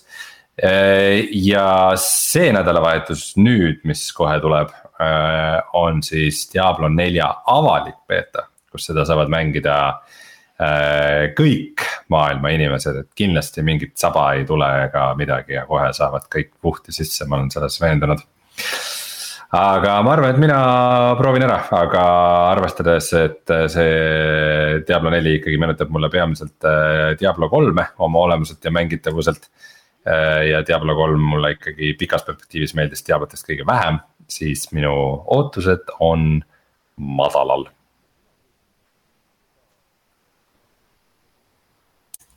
Rainer, kas sul on äh, ühenduse probleem, sa oled nii vaikseks äh,? Mute'i peal olin korraks äh,, aga et mis mina olen kuulnud muidugi on just vastupidi, et kes mängisid seda kinnisbeetat, et, et see on täpselt just nagu sulle rohkem, et siuksem tõsisem ja süngem ja vähem värviline ja, ja. no see atmosfäär, see atmosfäär tundub, et võib olla okei okay, äh,, aga see nagu tegelaste tunnetus ja flow ja kõik see, vaata mida seal betas praegu saab suht vähe, sest ainult saad mingit üsna varast äh, osa mängust äh, proovida. et see, PC Gamer kirjutas artikli, et see vist on tegelikult suht üks-ühele sealt nagu sellest Diablo mm. Immortalist võetud. see oli see mobiilimäng mm, -hmm. mida, mida Hiina NetEasy'ga koos tehti mm, -hmm. et ma oleks ikkagi väga-väga ettevaatlik, et äh, aga äh, jätkuvalt siis tegu on üle kümne aasta esimese äh, uue osaga nagu Blizzardi mängudele, sest et noh, Overwatch kahte mm -hmm. ma kindlasti ei, ei söanda ikkagi hoolimata nimest äh, nagu uueks osaks nimetada. et äh, Blizzardil on praegu väga palju tõest-, tõestada, et äh, näis, mis siin saama hakkab mm.. Äh, jah, mulle jäi nagu mulje, et nad nägid, kui hästi võeti vastu ka see, see teise remake ja siis, et äh, ja, ja noh, kui palju ikkagi kiruti seda, seda kolme nagu mõnes mõttes, kuigi seda mängiti, samas osteti palju. et, et võib-olla, võib-olla tuleb sihuke nagu sina tahaks siis vahelduseks, aga, aga eks siis. vähetõenäoline selles mõttes, et ikkagi nad on, nad ei ole mingit saladust teinud, sest et see teevad nagu Diablo kolmele järgi, mitte, mitte Diablo mm frantsiisile sest Diablo üks ja kaks olid ikkagi Blizzard North, äh, mida äh, enam väga ammu mitte mingis vormis ei no, eksisteeri. ega seda Blizzardit ei ole, et sealt on nii paljud inimesed on ära läinud ju, et siin on mingi sada uudist on vahepeal olnud, millest me oleme rääkinud ja ei ole rääkinud, et kuidas keegi läks ära ja tegi jälle oma stuudio seal kuskil kõrvalmajas või, või midagi sihukest, et, äh, et äh, aga. panused, panused on kõrged. jaa äh,, aga siis äh, uudistega ja asjadega kõik, tuleme kohe tagasi ja siis äh, räägime, mis mul siin kodus on uut põnevat.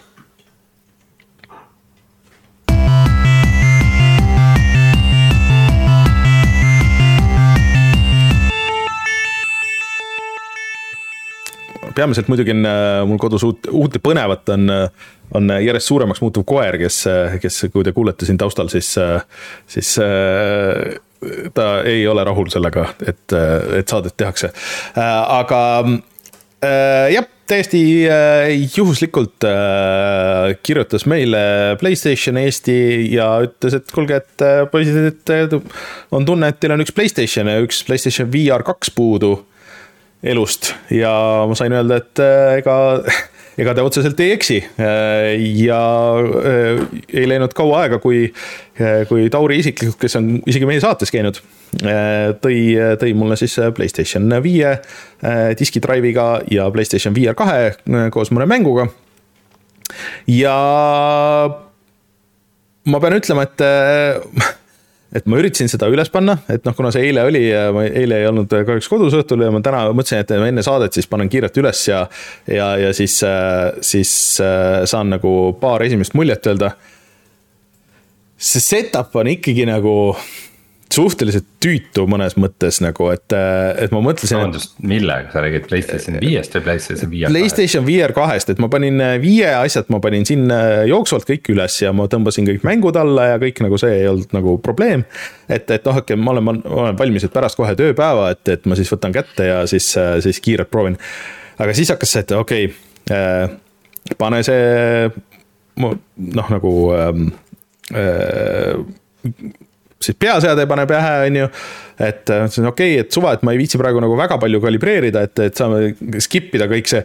ei, ei, ei sa ei saa mitte midagi skip ida, sa pead kõik ükshaaval tegema kõik need läbi, kõik need asjad, et sa ei saa panna, et pane mingi default room, et, et saaks kiiresti mängu ja nii edasi, et sa pead ikka ükshaaval võtma ühe puldi, teise puldi. ja siis selgus, et ja et äh, ei ole ruumi piisavalt ja siis, et ei ole äh,, et siis, et üks pult on tühi siis äh, okei okay,, siis peab seda laadima ja siis kõik nagu need asjad ja, ja võta vahepeal see pea, see peaseade ära ja siis loe seda, mis ekraani peal on ja siis vajuta selle tavapuldi pealt, et. et no natuke, natuke tahaks seda nagu streamline imist nagu minu jaoks, et ma saan aru, et see on teistel, teistel peaseadetel ilmselt veel keerulisem äh, no,. kindlasti. ma arvan, et äh, põhjus, miks, miks Sony mingis mõttes ei taha, et sa seda möödaminnes teed, on see, et äh, need tüübid, kes kiiruga selle kõik läbi teevad, siis on just need, kes pärast nagu no, telekasse jooksevad ja siis trepist alla kukuvad peaseade peas, et. et äh, parem, parem nagu võtta, ma, ma ei mäleta, et see väga pikk ja keeruline oleks olnud, see, et no. sa pulti pead laadima, noh see. see on mul olnud äh, iga muu Playstationiga ka, et mul on nüüd lõpuks aega selle Playstationiga mängida. Aa, pult ei ühenda, ta on tühi, see on, see on minul alati, kuna ma mängin väga harva konsooliga vot sellepärast ma ostsin Xbox'ile, ostsin siuksed dokid, et mul on alati dokis ja siis dok samal ajal laeb ja ilmselt ma pean sedasama tegema ka Playstationiga. aga, aga lihtsalt siia otsa kohe ma tahan, tahan panna selle, et me lisaks saime siis kahe mängu koodid uh,. Horizon Call of the Mountain'i ja Grand Turismo seitsme ja mina eile õhtul siis installisin Grand Turismo seitset.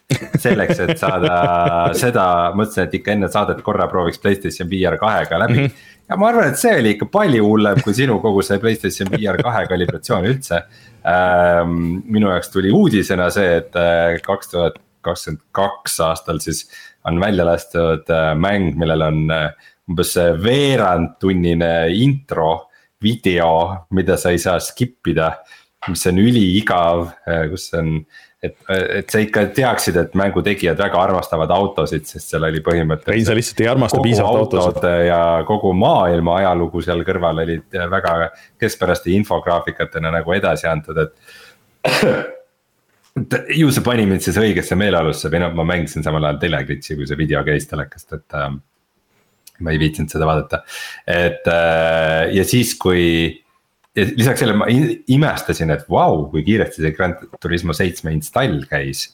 siis äh, ei, sa paned ta käima ja siis ta hakkab download ima siis mängu ennast hmm.. ühesõnaga, see, ma arvan, et see oli märksa, märksa hullem, aga, aga räägi oma, oma siis. ei no Grand, Grand Turismo selles suhtes. viis sekundit viis äh, sekundit said peaseadme pähe ka panna või? ei, sain äh, tegelikult ja ma pean ütlema, et mugav on et ma siiamaani ei ole saanud üldse proovida, et äh, tegelikult ta pähe pan-, pähe pannes on päris mugav, aga ainuke asi on see, et äh, seal on nii palju neid vahekohti. kerge, ma ja, ikka tõesti. väga imestasin, kui kerge ta on.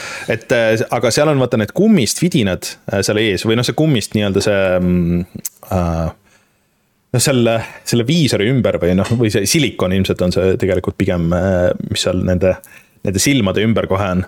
ja see kõik nagu takerdub mul juustesse, ehk siis see, see juuste probleem on ja seal on mitu kohta, kuhu saavad juuksed vahele, ma pidin selle mitu korda võtma peast ära ja uuesti nagu pähe panema.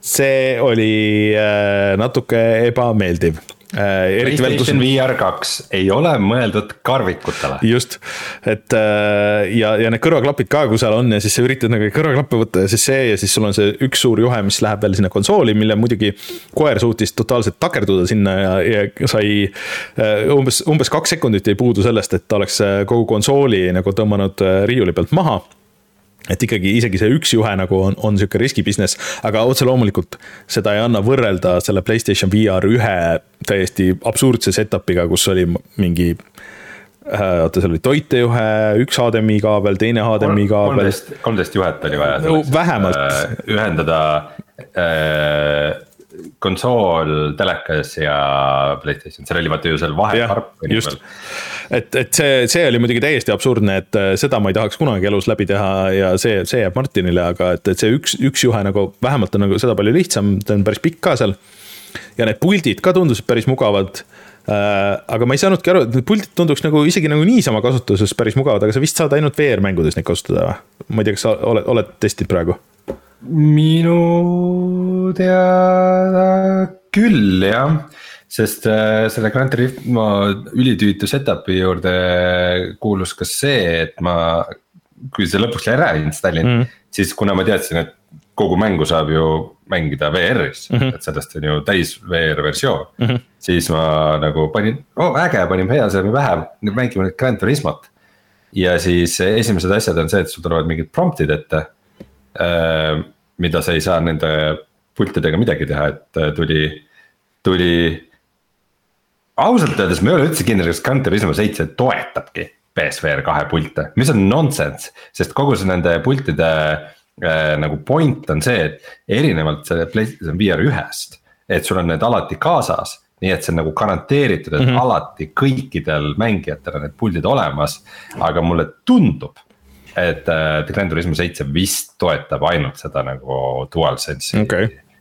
pulti, mis on nagu eriti nõme, äh, ehk siis see vastas ka sinu küsimusele, et ma ei saanud kasutada nagu mm -hmm. neid äh, pulti selles. paganama VR-i pult Gran Turismo seitsmes nagu üldse, nii et mm. need järelikult ei tööta tavapuldina. kuigi mm. no oma disainilt põhimõtteliselt need puldid on yeah. ju nagu keegi oleks lihtsalt äh, DualSense'i puldi keskelt pooleks saaginud no.. samamoodi nagu Oculus'e kontrollerid on põhimõtteliselt nagu keegi Xbox'i puldi oleks keskelt pooleks. no seal ei ole seda touchpad'i, aga see ei ole üldse nii oluline ka, et seda kasutatakse nii vähedest, vähestes mängudes, et selle saab nagu vabalt nupuga asendada, kui väga tahta. Äh, anyways et äh, ja ma, aga ma sain nagu Horizonisse sisse, äh, mul seal selle paadi peal vähemalt seal alguses see intro, mis on kõik, mida ma jõudsin näha, ei hakanud halb, ma arvan, et ma teen selle kalibratsiooni uuesti ja ma panen selle sellesse mode'i, et ma istun maha ja, ja mängin maas istudes või noh, nagu diivanil istudes, sest et mul nagu lihtsalt puhtfüüsiliselt tegelikult nagu päriselt ka ei ole ruumi. et kus ma saaks. sul ei ole ruumi, et oma korteris püsti seista? no mitte niimoodi jah, nagu selle, selle kolme meetri raadiuses, mis see juhe nagu võimaldab.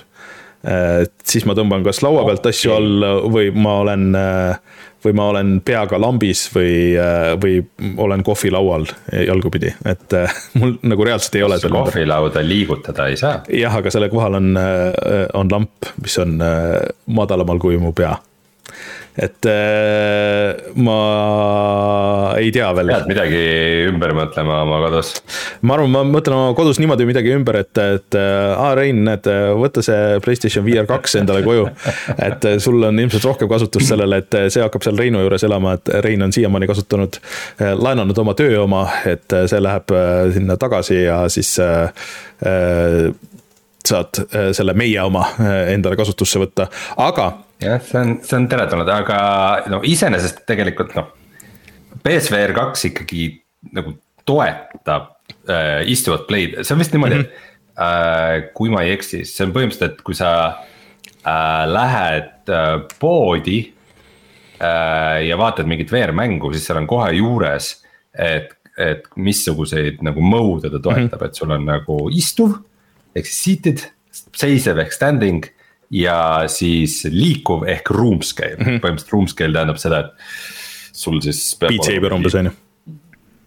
kolm korda kolm meetrit ruumi või midagi sihukest, et sa ikkagi nagu mm -hmm. saad noh, Beat Saberis ka jah, sa nagu vahepeal hüppad mingitel asjadel eest ära või et sul ikkagi nihuke minimaalne ja. ruum on aga muidugi mina olin väga impressed, olles harjunud äh, Oculus'e ja muude selliste peaseadmetega, et kui äge see läbi Playstationi kaamerate pilt on ja kuidas sa saad nagu oma tuppa mm -hmm. joonistada põrandale seda asja, see on ülihästi tehtud, see on palju parem kui.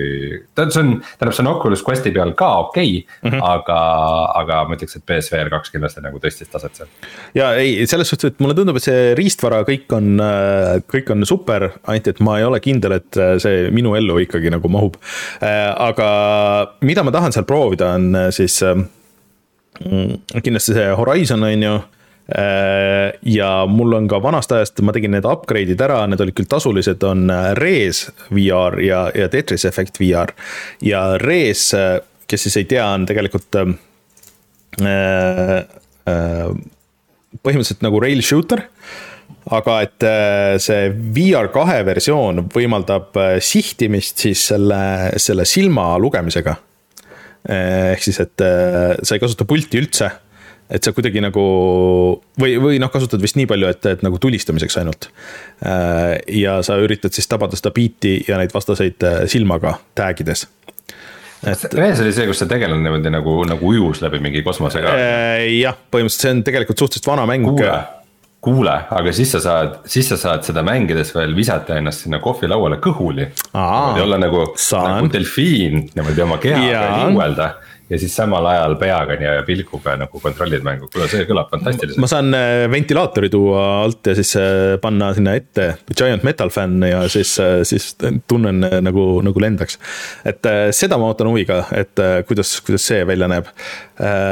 ja Reinu rõõmuks mulle meenus, et aa, et mul on ju plaadiversioon olemas äh, sellest äh, No Man's Skyst, mis, mille Playstation VR kahe patch peaks lähipäevil tulema.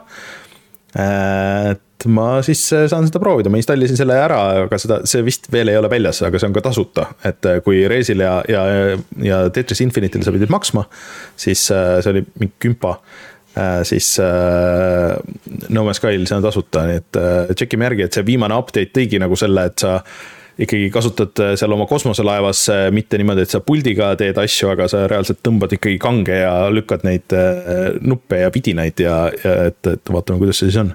iseasi muidugi, kas seal. kindel ma olen kindel, et see on suurepärane, ma olen kuulnud, et No Man's Sky on maailma kõige parem mäng ja nad Vein. on patch inud äh, sisse mitu asja, mis. ei, sa, sa oled, sa oled väga ülekohtune ja soolane äh, kümne aasta taguse asja, asja suhtes, et äh, ma arvan, et on aeg lasta sellel minna ja tšekkida järgi.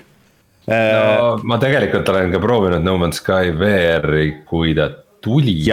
ta kontroll oli kohutav ja ta nägi kohutavalt halb välja, ma saan aru, et äh, tee peal seda on äh, patch itud, aga noh. Rainer, lihtsalt, kui sa mängid No Man's Sky PS VR kahe peal, siis ma lihtsalt, ma arvan, et see lihtsalt meeletult keskpärane. et ta no,, et ta ilmselt ei näe hea välja ega, ega nagu mängi hästi, et ne, nagu mingid.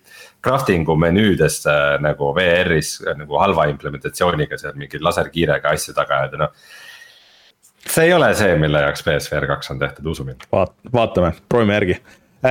aga Horizon'i, Horizon'it äh, kindlasti on sul Jum. rõõm proovida, aga mingit Resident Evilit ei tea või? vot ma olen nagu kaheksat äh,, ma olen nagu mänginud, ma ei tea, kas ma olen nii huvitatud, et osta uuesti see Playstation äh, viie versioon, sest et ma mängisin Xbox'il äh, ja ma tegelikult selle siis äh, nelja, mis tuleb äh, homme välja, ma juba selle eeltellisin PC peale äh, odavalt. et ma ei tea, ma, ma ei, ma ei usu, et ma suudaks seda tervet mängu nagu mängida, et see oleks huvitav proovida, aga, aga teha sihukest. no algusest lõpuni mitte, aga nagu proovimise mõttes oleks. no nagu pigem, pigem on see, et seal on see Resident Evil seitse, aga ma ei tea, kas selle see VR kahe batch oli või ei, ei olnud? ei, minu meelest selle kohta pole küll mingit uudist, et nad okay. oleks, et nad plaaniks seda nagu. kas mm, -hmm. kas Resident Evil seitse üldse nagu Playstation viiele on või sellele mingit Playstation viie ta... batch'i on, küsiks seda hoopis vot seda ma sada protsenti ei tea, ta on viie, ta on selles plussis, äh, selles plussi nii-öelda essential nendes Playstationi mängudes. aga mm, vaata, kas tal viie patch'i on, seda ma ei tea. Äh, ja ma arvan, et kui nad seda nagu remaster daks, nad kõigepealt teeks selle nagu tavamängu ja siis nagu alles võib-olla liiguks selle PlayStation VR ka. ma ei tea, kas seda nagu nii remaster'it tehaksegi, ühesõnaga, et äh, ma ei tea. aga, aga on teada ka siis, et millalgi kunagi tulevikus peaks saama siis Resident Evil neli. aa, äh, Botcharted meie, meie chat'is ütleb, et jaa, et Ray Tracing patch äh, täitsa tuli Playstation viiele ja aga, aga ma ei tea, kas see VR kah nagu seda toetab, et võib-olla ma proovin järgi siin selle nädala jooksul, äkki on rohkem aega nädalavahetuses. ja okay., ja natuke ma pean kirjuma nagu seda Playstationit ennast ka, et see on ikka nagu nii suur et mul nagu reaalselt on probleem, et kuhu ma ta panen, et äh, et ma noh, mul teleka aluse peal, et mul on seal äh, Switch, mul on seal Xbox, mul on, mul on võim ja mul on vinüülimängija ja ma ei saa, noh, need kõik on nagu äh,. Nendel on oma kohad, ma ei saa neid nihutada kuskile äh,. ma ei saa seda Playstation viite püsti panna, sest et siis ta on teleka ees ma ei saa ta laiuti panna, sest et siis mul ei ole nagu osasid teisi asju kuskile panna et hetkel, mis ma nagu välja mõtlesin, on see, et ma tekitan mingi platvormi sinna konkreetselt tele, telekalaua taha, kuhu, kust õhk käib läbi äh,. kuhu ma saan selle niimoodi ära panna, et see ei ole jalus ja, ja siis sealt, aga sealt muidugi VR-iga tekib see probleem, et äh,. et äh, kuidas ma ta nagu ühendan sada protsenti, et äh, ma pean mõtlema ja vaatama seda, et see on keerulisem ülesanne, kui võiks, võiks arvata, kui sul on, kui sul on mitu konsooli no mina väga imestasin, et minu teleka alusesse kitsasse kappi ta ära mahtus mm, -hmm. sest et ma arvasin, et ta on, on ikkagi ma arvasin, et ta on veel suurem, aga küll, aga jah, ma pean siis kappi lahti hoidma sellal, kui ma seda kasutan. Ja korraga juhtus see, et lapsed mängisid Astroboti ja panid kapi ukse kinni, nii et konsool jäi käima. ja siis mõtlesin, mis asi see huugab nii kõvasti, käib ja nagu. okei okay,, mingi väike saun oli seal kapis jah. see on see ei ole väga hea, et, et ma pean, võib-olla mõtlen midagi muud välja, aga, aga lihtsalt, et ta on täpselt nii suur, et ei mahu ühtegi riiuli vahesse. ja isegi kui nagu panna nagu pikuti, siis sealt ei käiks õhk läbi ja siis ma ei saaks sellele diski drive'ile ligi, et, et, et, et, et pean, pean nagu nuputama natuke, et, et kuidas see mugavalt paigutada, aga, aga ma arvan, et Playstation viis Slimile oleks turgu küll, et, et, et ma arvan, et, ma arvan, et see varem või hiljem siiski tuleb. pigem võib-olla siin aasta jooksul isegi ma, ma ei imestaks üldse seda Äh, vot, aga siis äh, Playstationi muljeid veel kindlasti järgmine nädal, et äh, me saime ka Ragnaroki sinna ja, ja mida ma tahaks kindlasti mängida, aga siis äh,. mul ka Ragnarok ootab, ootab mängimist, aga, aga nagu, nagu reaalselt mul ei ole aastaid olnud nii palju mänge, mida, mida mängida, et, et äh, muidu tegelikult ma täiega tahaks, kui mul aega oleks mm, -hmm. äh, mängida ikkagi mõnda nagu sihukest head klassikamängu ka PlayStation viie mm -hmm. kahe peal lihtsalt, et seda, et sellega nagu jutust teha, et. et äh, kujutan ette, et näiteks Pavlov äh, mm -hmm. VR-i põhiline tulistamismäng. ma arvan, et praegu on palju nuube ka ja siis äh, nagu, et noh, see on kindlasti nagu üli oleks lihtsalt üli fun seal äh, ringi jämmida ja mängida siis äh, kas mingeid Counter Strike'i kaarte või, või lihtsalt deathmatch'e või asju, et seal saab alati nagu kõvasti nalja või või kasvõi mingit, mingit äh, Walking Dead'i Saints and Sinners'i osa kaks, need peaks ka kohe tulema äh,. PC peale ja, ja Playstation VR kahe peale, mis eelmine aasta tuli ainult Questile, aga mida väga ei kiidetud. aga ütleme ikkagi, ma arvan, et nii mõnigi, nii mõnigi nagu vanem VR mäng, mis on siin klassika, et lihtsalt Playstation VR kahe peal võiks vabalt saada uue, uue hea elu aga kusjuures äh, naljakas oli see, et äh, ma hakkasin mõtlema, et noh, et mis siis, äh, mis siis on need Playstation viie eksklusiivid. et, et noh, et ma hakkaks vaatama, et, et otsast siis mängima või, või võtma nagu plaani ja siis ma pean ütlema, et see, see list oli oluliselt, oluliselt lühem, kui ma oleks arvanud. ehk siis pärast seda, kui nüüd Äh, see God of War on väljas, siis ainuke, mis on võib-olla tulemas, praegu jutud käivad, et äh, Spider-man kaks tuleb septembris. millalgi võib-olla see Wolverine. ja hetkel nagu rohkem väga ei olegi. Äh, välja arvatud siis mõni väiksem VR-i asi ja noh, Ratchet ja Clank nagu selles mõttes, et. aga kõik teised on väljas kas ka PC peal või, või Playstation nelja peale või nii edasi, et aga neid viie eksklusiive on ikka väga vähe. ma hakkasin ütlema Returnal, aga see. on ju ka PC peal. nüüd ka arvuti peal, kus ma just eile ta läbi tegin, millest ma pärast räägin. Äh, ja äh,, oota nüüd nii ah,. ma, ma ei näinud, kas see listis oli see Demon's Souls ka või? Demon's Souls jah, see remake on, et see on üks suuremaid okay., Demon's Souls ja, ja siis Ratchet ja Clank on nagu äh, kaks sihukest äh, suuremat asja, mis, äh, mida kuskil hetkel nagu ei ole, aga. ma väga ei imestaks, kui Ratchet ja Clank nagu võib-olla ka PC-le mingi hetk jõuab. sest et see turg nagu PC-l, ma arvan, sihukesele asjale oleks päris kõva. aga noh, kes, kes teab Anyways äh,, ei, tegemist on äh, väga hea masinaga, lihtsalt äh, hetkel on nagu seda, seda mängundust nagu natuke, natuke vähe seal ümber mm. -hmm. nojah, kui, kui sulle, kui sul on reaalselt kodus võimas PC, uus Xbox äh,, siis, siis neid asju, mille pärast sul on eraldi Playstation mm -hmm. viit vaja. no ütleme selles mõttes on, et kui sul on ka Playstation neli siis võib-olla sa ei taha selle peal God of War Ragnarok mängida. no vot, see oligi nagu see põhiasi jah. tahaks, tahaks, et need asjad, mis on nagu selles mõttes Playstationi eksklusiivid, mis on viiel ja neljal mõlemad, et neid sa ju pigem mm -hmm. tahaks viie peal mängida. just, et äh, selle jaoks, selle jaoks on super masin, et, et ütleme, et jah, et tänapäeval nagu natuke sihuke süda tilgub verd, et kurat, see saaks ikka parem ja kiirem olla. noh, peamiselt just laadimisajad nagu, et see on, see on tegelikult nagu see, mis mm -hmm. uue generatsiooni puhul on ära rikkunud, et väga-väga raske on, äh, on minna tagasi vanadesse mängudesse, kus laadimisajad on noh nagu äh, kolmkümmend sekundit, äh, poolteist minutit. Äh, eriti mängud, kus saadki nagu rohkem surma ja, ja, ja nagu pead kiiresti tagasi tulema, et sa ei ole nagu kohe seal tagasi. et noh, et, et see on ikka selle generatsiooni ikka väga, väga suur nagu muutus mm. -hmm.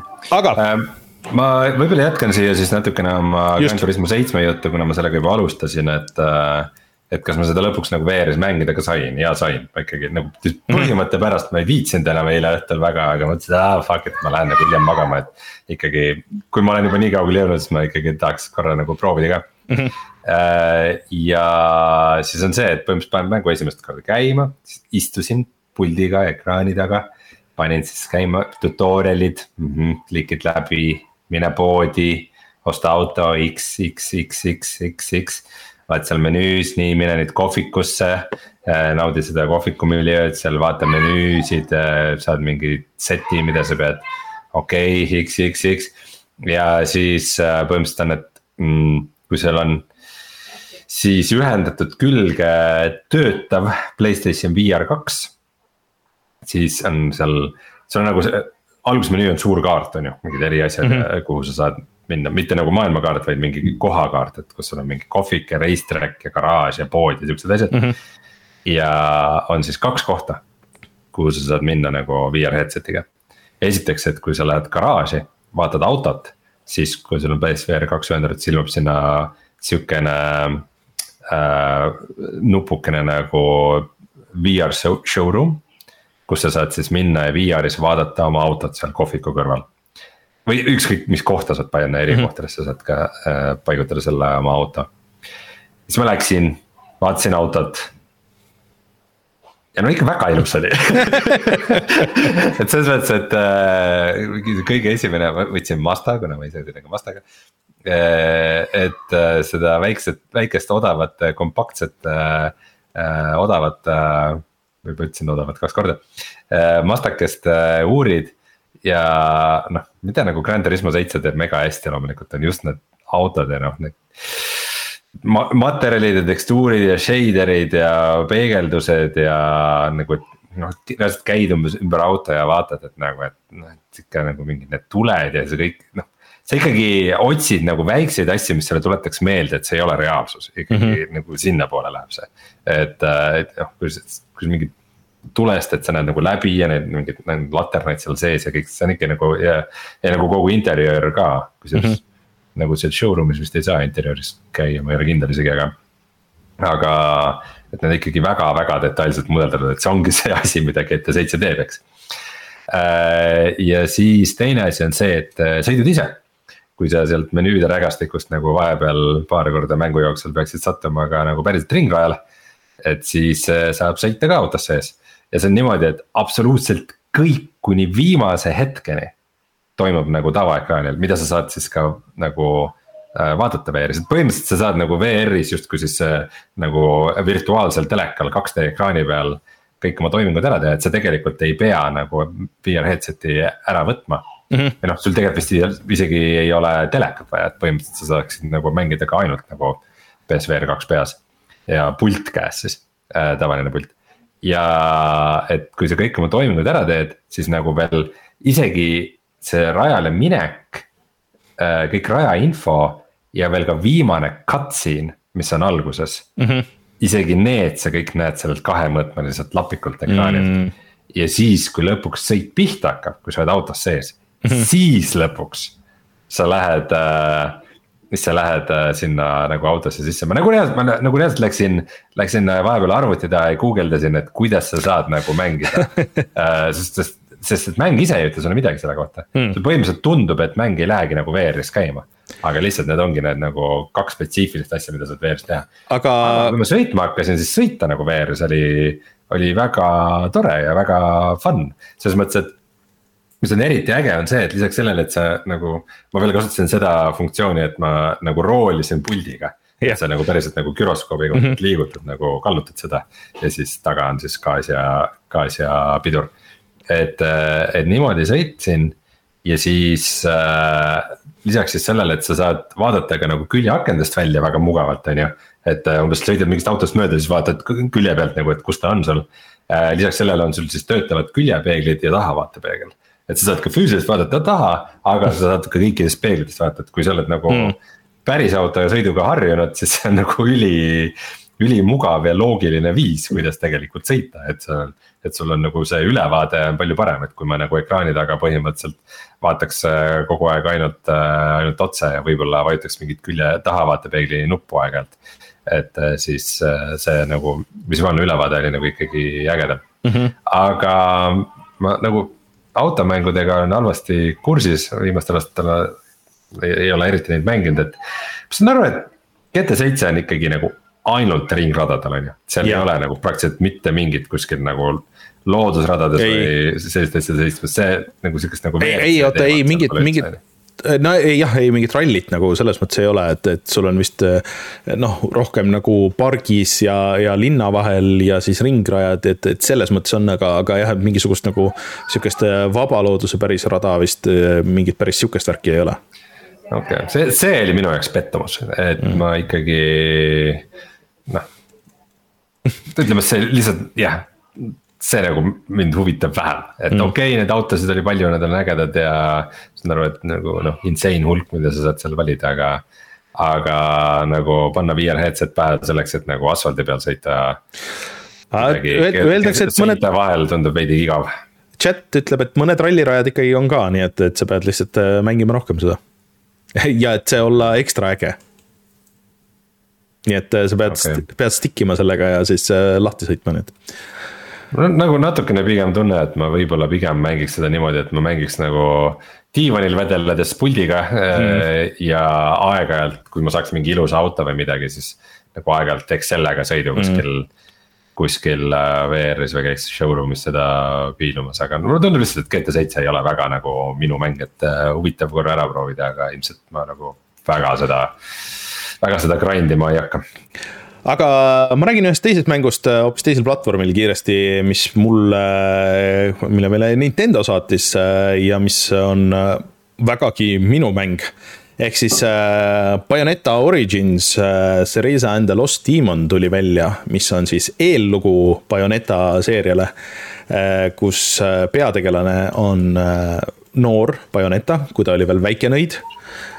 ja see kogu mäng on vormistatud sihukeses väga sürris aga ägedas muinasjutu formaadis.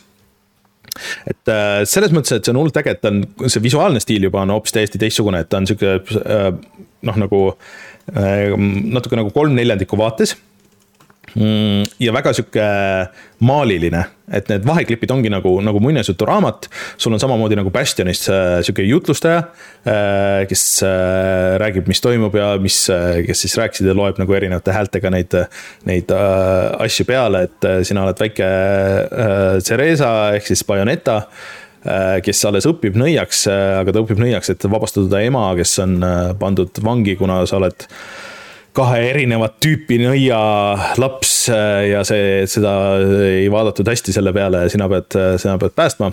ja siis äh, kogemata, et kuna sa väga hästi seda nõiavärki veel ei oska, siis sa kutsud välja teemoni, kes läheb sinu äh, mänguasja sisse, mis on siis äh, sihuke, sihuke kassi äh, äh, noh, siis äh, ütleme kassimänguasi ja tema nimi on Cheshire, Cheshire siis sellest äh, Alice imedemaal seeriast. Äh, ja siis teemon hakkabki elama sinu, sinu kassi sees ja edasi, edasi nagu mäng on niimoodi, et sa poole puldiga kontrollid äh, Cerezat ja poole puldiga sa kontrollid Cheshire'i. ehk siis äh, ähm, et sa mängid nagu, nagu Brothers, äh, vaata sihuke, sihuke mäng oli kunagi mm. -hmm. et, et, et, et, et et Cheshire teeb neid äh, siukseid kõvemaid attack'e, noh nagu reaalselt ründab ja niimoodi. ja Bayoneta siis äh, kasutab äh, või siis Cereza kasutab maagiat ja kohati siis, kui sul, sul on nagu palju vastaseid, siis ikka juhe jookseb nagu päris kokku nagu, et, et okei okay,, et ma pean sellega vältima jooksma siia, see. et aga nüüd, kui ma olen umbes mingi kakskümmend viis prossa mänginud sellest mängust, siis ma hakkan nagu vaikselt, hakkab see nagu muutuma loogiliseks, kuidas ma teen neid asju. Äh, ja see mängu ülesehitus on niimoodi, et sul on nagu suur sihuke avatud maailm tegelikult, kus sa avad järjest kaarti, et seal on nagu väike sihuke Metroidvania asi, et, et sa saad erinevaid võimeid, et sa alguses ei saa läbi mingitest kohtadest, pärast saad sinna tagasi minna ja avada neid. ja siis sa lähed nagu nendesse alammaailmadesse äh, ma ei mäleta, mis need nimed olid, samad, mis on tegelikult Bayoneta nagu päris mängudes, kus, kus siis on põhimõtteliselt nagu challenge room'id, et äh, mõned on, on nagu combati põhised, mõned on pusle põhised äh,. aga sa pead nagu sisuliselt kasutama nagu seda kahe tegelase nagu sihukest kombomist äh, siis hästi äh, ja ma pean ütlema, et ma olen väga-väga positiivselt üllatunud nii sellest story'st, sellest visuaalist kui ka sellest nagu mängitavusest, et äh, ikka nagu üllatavalt äge. et ja ta ei ole väga raske, et see võitlus, siiamaani ma olen mingi, ma ei tea, ühe korra võib-olla surma saanud või mis iganes aga, aga läheb nagu keerulisemaks. Äh, et sa pead ikkagi nagu rohkem kasutama neid, neid spelle nagu koos selle võitlusega, et, et arvestades, et noh, milline see kontroll on, et eks nad peavadki nagu aeglaselt seda avama, aga ma vähemalt nagu ei tunne, et. et see oleks, et ah oh, okei okay,, et see on nii slow, et come on, et lähme nüüd edasi, et. et need äh, challenge room'id ja need kõik on olnud piisavalt vaheldusrikkad ka, et mul ei ole olnud nagu sihukest momenti, et, et, et ma oleks hullult tüdinenud või, või, või mis iganes et äh, ma olen muidugi ka suur Bayoneta fänn iseenesest, mulle see seeria väga meeldib, mulle see tegelane väga meeldib ja kõik see, mis Kamiya teeb, ma ei ole nüüd päris kindel, et Kamiya rääkis, et kuidas, et. et see mäng lahendab äh, Jaapani äh, sündivus ja iibe probleemid, ma ei tea, võib-olla seda peaks Eestis ka siin rakendama või proovima, et meil on ka siin suur iibe probleem, et. et kui sa mängid seda mängu, et siis sa näed, et seal on, Theresa on nii äge laps, et ma tahan endale ka sihukest tütart ja siis, siis sa, siis sa hangid endale siukse tütre probleem lahendatud. et see on päriselt okay, asi. et äh, aga, aga ühesõnaga sellest jutust hoolimata ma julgen küll soovitada, äh, kellele seda tüüpi mängud meeldivad, et ta on parasjagu pusletamist, parasjagu võitlust ja, ja äge visuaalne stiil, et äh, äh eriti boonusena, kui äh, Bayoneta äh, kui selline tegelasena meeldib. et äh, ma ütleks, et positiivne üllatus, et see, see treiler originaalis ei andnud nagu väga midagi, et noh, see. et võis olla ka mingi sihuke suvakas platvormer või, või sihuke, aga mulle tundub, et on sihuke nagu pigem sihuke suure budget'iga hästi lihvitud indie-mäng, mis äh, vahel töötab väga hästi. Ja Platinum on öelnud, et, et see ei ole kõik vist, mis neil äh, Bayonetaga praegu plaanis on, et äh, neid mänge väidetavalt tuleb veel. aga seda kindlasti soovitan ja ma isegi paneks selle värskesse kulda oi, oi, oi, oi, oi, oi, oi, oi, oi. mul on ka, ma vaatan seda listi ja Rein, mul on liiga palju häid mänge. kõik, kõik mängud on, mida ma tahaks mängida Äh, aga samal ajal, kui ma panen seda siia kirja, siis äh, äh, räägi äh, Sons of the Lost Forest'ist. Sons of the Lost Forest või? Äh, või, aa, sorry, mul oli kaks rida siin, aga Lost Forest, see, see saab siis olla järgmine põhimõtteliselt metsapojad on siis nagu ka meie eelmise nädala Youtube'i video, kaks tundi pikk. vaadake seda, see oli see oli päris lõbus ja ka inimesed on jätnud kommentaare, et väga lõbus oli ja tehke veel, võib-olla teemegi. tehke. aga ähm,. ma võtan siis kiirelt kokku jah, kuna ma tegelikult seda see nädal ei ole mänginud, vaid eelmine nädal äh,. ma kõigepealt mängisin üksi seda niukse ühe üsna pika sessiooni ja siis pärast äh, koos, koos sõpradega äh,. ja esimene Forest siis mul on sellest küll video, mis on üks meie kõige populaarsemaid videosid, äh, kus samuti sai kõvasti nalja. Äh, aga mulle nagu mänguna kunagi Forest ei ole nagu nii väga istunud, et ta on põhimõtteliselt sihuke ellujäämismäng, hästi sihukese realistliku stiiliga ja, ja läbi silmade vaates, aga ähm,. ikkagi nagu põhiasi, mis sa seal teed, on see, et sa ikkagi ehitad nagu baasi, et sul käivad mingid kollid sind muudkui kiusamas äh,. aga need kollid on nagu hästi halva ai-ga ja siis segaduses enamus ajast, et mida nad nagu üldse tahavad teha või mis nende eesmärk on, et kas nad nagu ründavad sind või mitte, et pigem lihtsalt tüütavad sind. ja siis on nagu, on parem ehitada omale mingi maja ja, ja, ja siis sinna majasse voodi, sest sa saad save ida ainult siis, kui see tegelane magab mis on kõige nõmedam mängumehaanika üldse, mida ma kunagi kuulnud olen. ja siis äh, et ehitad sinna, puu otsa võid ehitada maja ja ehita igasuguseid mingeid küttepuuhoidikud ja ma ei tea, mis, mis, mis asju kõike ja tootemeid ümber, ümber ja. ja siis hängid ja, ja muudkui raiud puid ja ehitad. ja vahel siis käid äh, koobastes äh, mingite kollide vahelt otsimas uusi asju.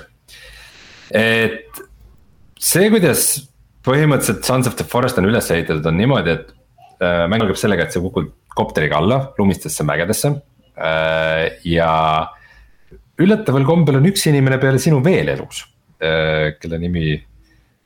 Kelvin või midagi sellist, kes, kes sai natukene viga, et tal nagu pea ei ole päris korras ja ta ka ei kuule, kõrvadest jookseb verd. aga ta on nagu üldiselt eluga rahul ja Kelvin siis võib joosta sul sabas, võib ka mitte joosta, kui sa ei taha. ja kuidas sa temaga suhtled, on see, et sa väiksesse märkmikusse siis Äh, kirjutad asju ja näitad talle paberit ja siis ta teeb seda. et äh, umbes, et äh, saad sõnadest valida, et mingi korja puid ja too minu kätte või et. või mingi tee lõke või tee meile varjualune et ta nagu rõõmsasti teeb neid asju, mida vaja on. Ja kui ei ole midagi vaja teha, siis ta chill ib niisama ja ei põe liiga palju. ja äh,. mängus on mingeid tegelasi veel, näiteks mingi kolme jala ja kolme käega baleriin käib vahepeal äh, okay.. Ta, ta kardab sind ja tema poole ei tohi vaadata äh,. ja siis ähm, nagu kõige olulisem funktsioon, mis põhimõtteliselt mängus on, on see, et sa pead siis äh, leidma nagu uusi tehnoloogiaid, et umbes mingid et noh, et see, seal on alguses mingid huvipunktid, kuhu sa jõuad a la, et ja siis sa pead seal umbes kaevama labidaga, aga sul ei ole labidat, et sa peadki mingeid koopaid ja mingeid erilisi kohti nagu läbi otsima ja avastama ja sealt nagu eluga välja saama. Äh, samal ajal muretsedes siis ka oma janu ja, ja nälja pärast ja selle pärast, et su tegelane ei jääks liiga ära ei väsiks ja nagu kõik need asjad. Ja siis äh, muudkui käid ja proovid neid uusi tehnoloogiaid nagu koju tuua ja see, see nagu gameplay loop'ina ei ole nagu mega huvitav minu meelest või, või see väga ei kütkesta selles mõttes, et, et äh, noh, niimoodi niisama avastamine ei ole nagu väga tulemuslik, kuigi sa saad seda põhimõtteliselt teha, aga tundub, et. nagu see mõeldud viis, kuidas sa mängid seda, on ikkagi see, et sa tegelikult tead, kuhu sul on vaja minna ja mis mm. järjekorras teha, et umbes vaatad netist järgi. Et, äh, et see, see on nagu veits, veits nõme aga mängus on siis ka väga põhjalik inventory süsteem, äh, kus siis põhimõtteliselt sa nagu rullid mingi mati lahti ja kõik need asjad on maas ja siis sa saad nagu craft ida ja kombineerida, et teha omale mingeid. tõrvikuid või mingeid viitsütikuga pomme ja kõigest saab armorit teha umbes loomanahkadest, lehtedest. Äh, kollide jäänukitest, et äh, see oli multiplayer'is väga lõbus, et me jõuamegi sinna, et ma siis kõigepealt mängisin üksi ja pärast siis multiplayer'is, millest on ka meie video et äh, kus siis teiste tegelastega koos on noh, veidi parem koordineerida, et kui üks surma saab, siis teised saavad püsti aidata või siis respawn'id ja tuled teiste juurde tagasi.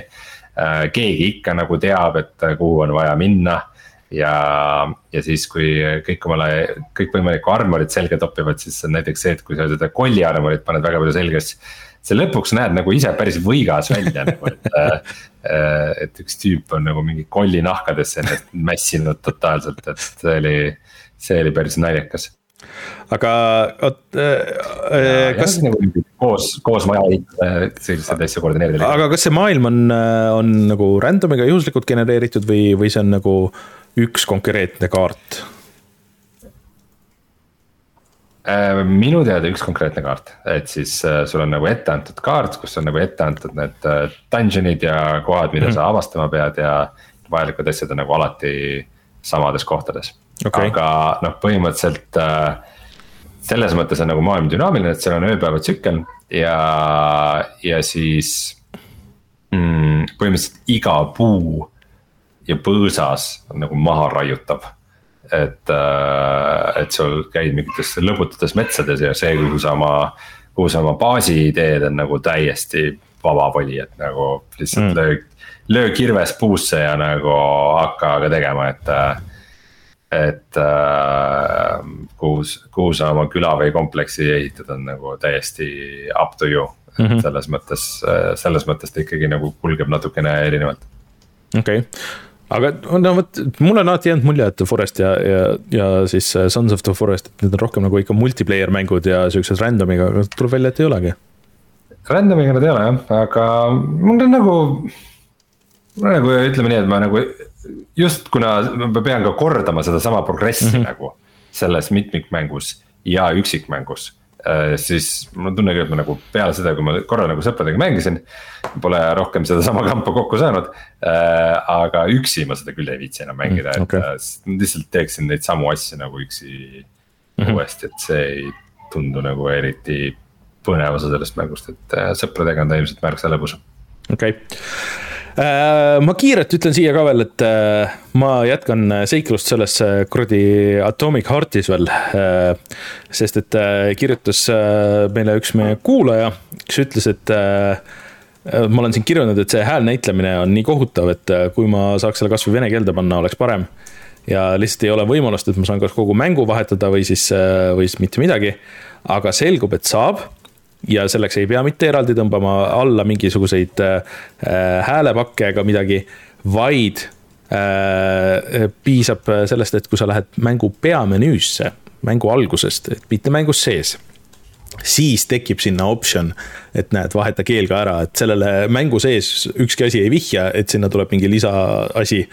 et äh, väga loll viis, kuidas seda teha äh, ma nüüd ma... päris pead ei anna, aga minu meelest sellest kuradi metros oli täpselt samamoodi. kurat, eh, ühesõnaga see oli päris frustreeriv ja, ja ma siis mängisin, ma jõudsin ühe hästi lolli koha, tegin ära Äh, ja noh, see vene keel võib-olla on nagu natuke parem, aga mitte oluliselt, et isegi seal on nagu natuke seda fiili, et nagu nendel vanadel pirakassettidel, kus keegi lihtsalt pomises sulle sinna, äh, sinna habemesse, ainult et hästi palju pljette on igal pool.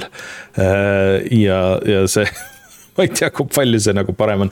et, et, et äh, Tonisium äh, meie Discordist äh, ja, ja Patreoni toetajana siis ütles, et aa, sa tegid selle ära, noh, et see, need kõige nõmedamad osad, mis vanduma panevad, need on alles ees.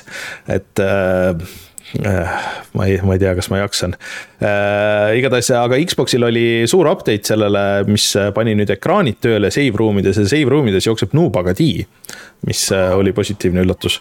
Äh, ja, ja üldse nagu tegelikult kõik need ekraanid, mis olid mängus sees, kus äh, jooksevad siuksed City Seventeen'i intro stiilis videod, need enne ei toiminud Xbox'i peal, nüüd, nüüd nagu töötavad.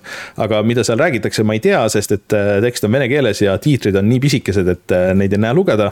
väidetavalt pidi tulema lähiajal ka update, et mis lubab neid tekste suuremaks teha, nii et ma vähemalt ei ole üksi nende, sellega ja mul õnnestus ka geomeetriasse kinni jääda paar korda. Äh, samas levelis erinevates kohtades juba, juba mitmendat korda niimoodi, et ma pidin äh, restart ima checkpoint'i, mis alati on mängudes ka nagu hea.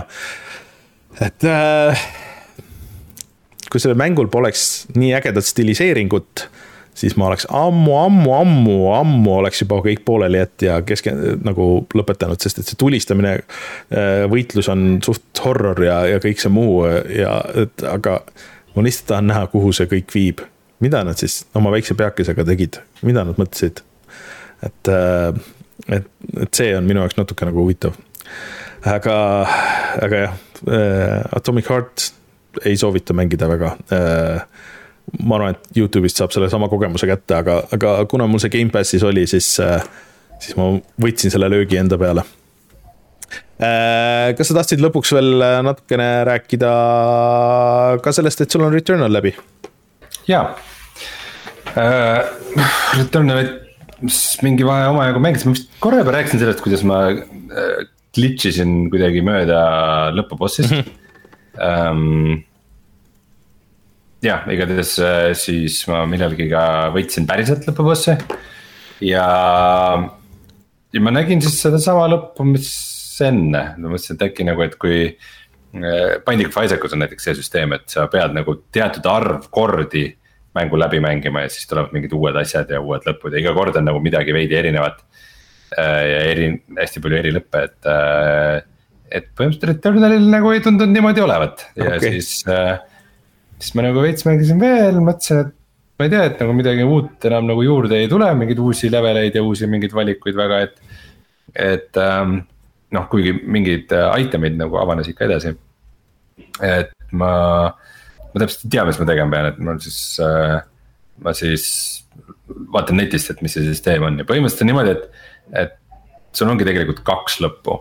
et põhimõtteliselt äh, see oli see esimene lõpp ja siis teine on sihuke nagu true ending, mis on ka natuke nagu secret ending. ja selle jaoks siis peab kõik kuus maailma Tigulast leidma ühe asja, mida ei ole väga raske leida, noh, eriti kuna ta on random'iga, siis. siis ta nagu võib eri kohtades ka olla, aga. ja ühe, ühe mängu korraga ei pea, ma isegi ei tea, kas see on tõenäoliselt veidi sihuke huvitav süsteem, et põhimõtteliselt sul on nagu kolm maailma ja kolm maailma. et ma ei ole päris kindel, et äh, kas sa saad nagu ühe playthrough'ga algusest lõpuni nagu mm. kõik kuus maailma läbi käia. võimalik, et ei saagi e,. igatahes ma siis mängisin nii palju, et ma kõikidest kuuest maailmast nagu leidsin selle asja üles e,. siis ma pidin võitma veel lõpukat ühe korra Äh, vahepeal ühe asja veel tegema, e, e, võitma lõpukat ja siis jõudma nagu õige lõpuni. ja ma siis nagu veits kirusin ja siis nagu ikka nagu niimoodi paari õhtu mingi muude mängudega kombinatsioonis tegin selle ära. ja ma olin täiesti pettunud selles nagu viimases lõpus, et seal, et see ei lisanud nagu mitte midagi juurde. ja kuidagi oli veits sihuke mingi, it's all in your head tüüpi nagu ma üritan siin mitte spoil ida, aga mm, -hmm. aga lihtsalt, lihtsalt niimoodi hästi üldiselt, et kas on, kas on väärt see viimane lõpp, et selleni nagu jõudmist ei ole, ei okay., nagu, et mulle Returnal nagu see ikkagi tegelikult väga meeldis. ta on ikkagi väga cool, et äh, sihukest, sihukest mängu nagu sihukeste vahenditega on tehtud ja tehniliselt on kohati ikkagi väga, väga äge ja ta nagu noh, vabalt võikski olla selline, selline cool nagu nihuke rogu-like, mida lihtsalt aeg-ajalt mm -hmm. nagu mängida, mitte et ma teen ta ühe korra läbi ja on kõik, vaid et. ta on sihuke mäng, mille juurde sa tuled nagu tagasi ja vahel nagu toksid ja avastad. mida tavaliselt Triple A mängudega ei ole ja, mul on tunne, et ikkagi päris nagu ei vea välja seda, et ta võiks olla sihuke nagu all time great, et et lugu oli pettumus ja, ja see, kuhu ma jõudnud olen, et siis nagu ütleme, et seal nagu gameplay's ei ole ka mingeid huvitavaid väljakutseid mm. või. või, või midagi, et äh, aga ma olen seda ka mänginud kolmkümmend kaheksa tundi, nii et ma just vaatan, et, et äh, üldiselt average playtime on kolm tundi ja viiskümmend ja sellel on Steamis viiskümmend kuni sada tuhat äh, omanikku, nii et no liiga hästi vist ei läinud sellel kahjuks. ja no mina olen seda mänginud peaaegu nelikümmend tundi, nii et ma ütlen, et ütleks, et äh, kurb, et see ei, ei klikkinud suurematel massidel, aga minule ta ikkagi tegelikult on, on juba olnud selles lühikeses aastas nende highlight'ide seas.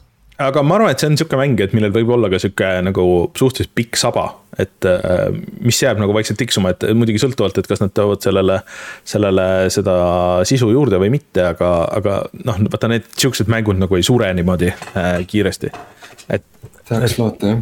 ta on nagu sihuke. selles mõttes nende, nende Playstationi mängudega Steamis on hullult naljakas olukord, see on põhimõtteliselt niimoodi, et äh, kas on mingi täielik hitt ja nagu bestseller või kaob täiesti obskuursusse, nagu kaks varianti et põhimõtteliselt näiteks Uncharted ju mm, -hmm. vist äh, täielikult Steamis kukkus läbi. no praegu. kõige, kõige suurem frantsiis üldse umbes Playstationil ja praegu vaatan äh, kakssada tuhat äh, kuni viissada tuhat omanikku ja average playtime äh, üksteist tundi ja kakskümmend kuus minutit. no kui sa siin juba asja vaatad, vaata God of War'i võrdluseks. vaatame soovitan ka, oota, mis see Steam'i see augmented Steam installida endale brauserisse, see näitab sihukest lõbusat lisainfot näitab ka ajaloolisi hindu ja kõiki muid asju uh,. Anyways uh,, vaatame kohe siis, see näitab, et kaks kuni viis miljonit omanikku Steamis ja, ja average playtime on üks päev neli tundi ja neli tuhat inimest on mängimas praegu, nii et uh, see on jah. kakskümmend kaheksa tundi siis, et nagu noh, God of War ikkagi landis nagu väga hästi see on. ja ma olen kindel, et ka siis uh, Last of Us uh, part one mm, -hmm. mis mhm. peaks ka päris kohe-kohe tulema vist, et see ilmselt ka. kas see homme ei tule või? tulema, aga issand jumal, veel üks mäng, ma ei jaksa, ma ei jaksa, te kannate mulle liiga palju ette. kakskümmend kaheksa, sorry, äh, see on siis äh, teisipäeval. millegi lükati edasi, nii et alguses ta pidi ju tulema sarjaga samal mm -hmm. ajal, aga. no kakskümmend kaheksa on teisipäeval, nii et ikkagi suhteliselt kohe. täitsa hull lugu Õnneks ma selle saan skip ida, sest et see ma ei tea, kas ma viitsin seda uuesti mängida. no Aga... ma vaatasin just sarja läbi no, ja siis nüüd jah, siit oleks tore kohe see otsa ka lasta. aga, aga liiga palju muud on ees hetkel ähm,. muide ähm,, ma nüüd ei tea, kas see, kas see vastu ka võetakse, aga ma kirjutasin äh, artikli Last of Us'ist siis äh, sirpi mm et äh, sirpi ma pole küll varem veel kirjutanud, et see oli, see oli väga tore, ma saan aru, et sina, sina juhatasid. mina juhatasin sinuni ja, sest et. minu juurde inimesed aga äh, sellega lõpetame ka mängud, tuleme kohe tagasi ja siis vaatame, mis on internetis odav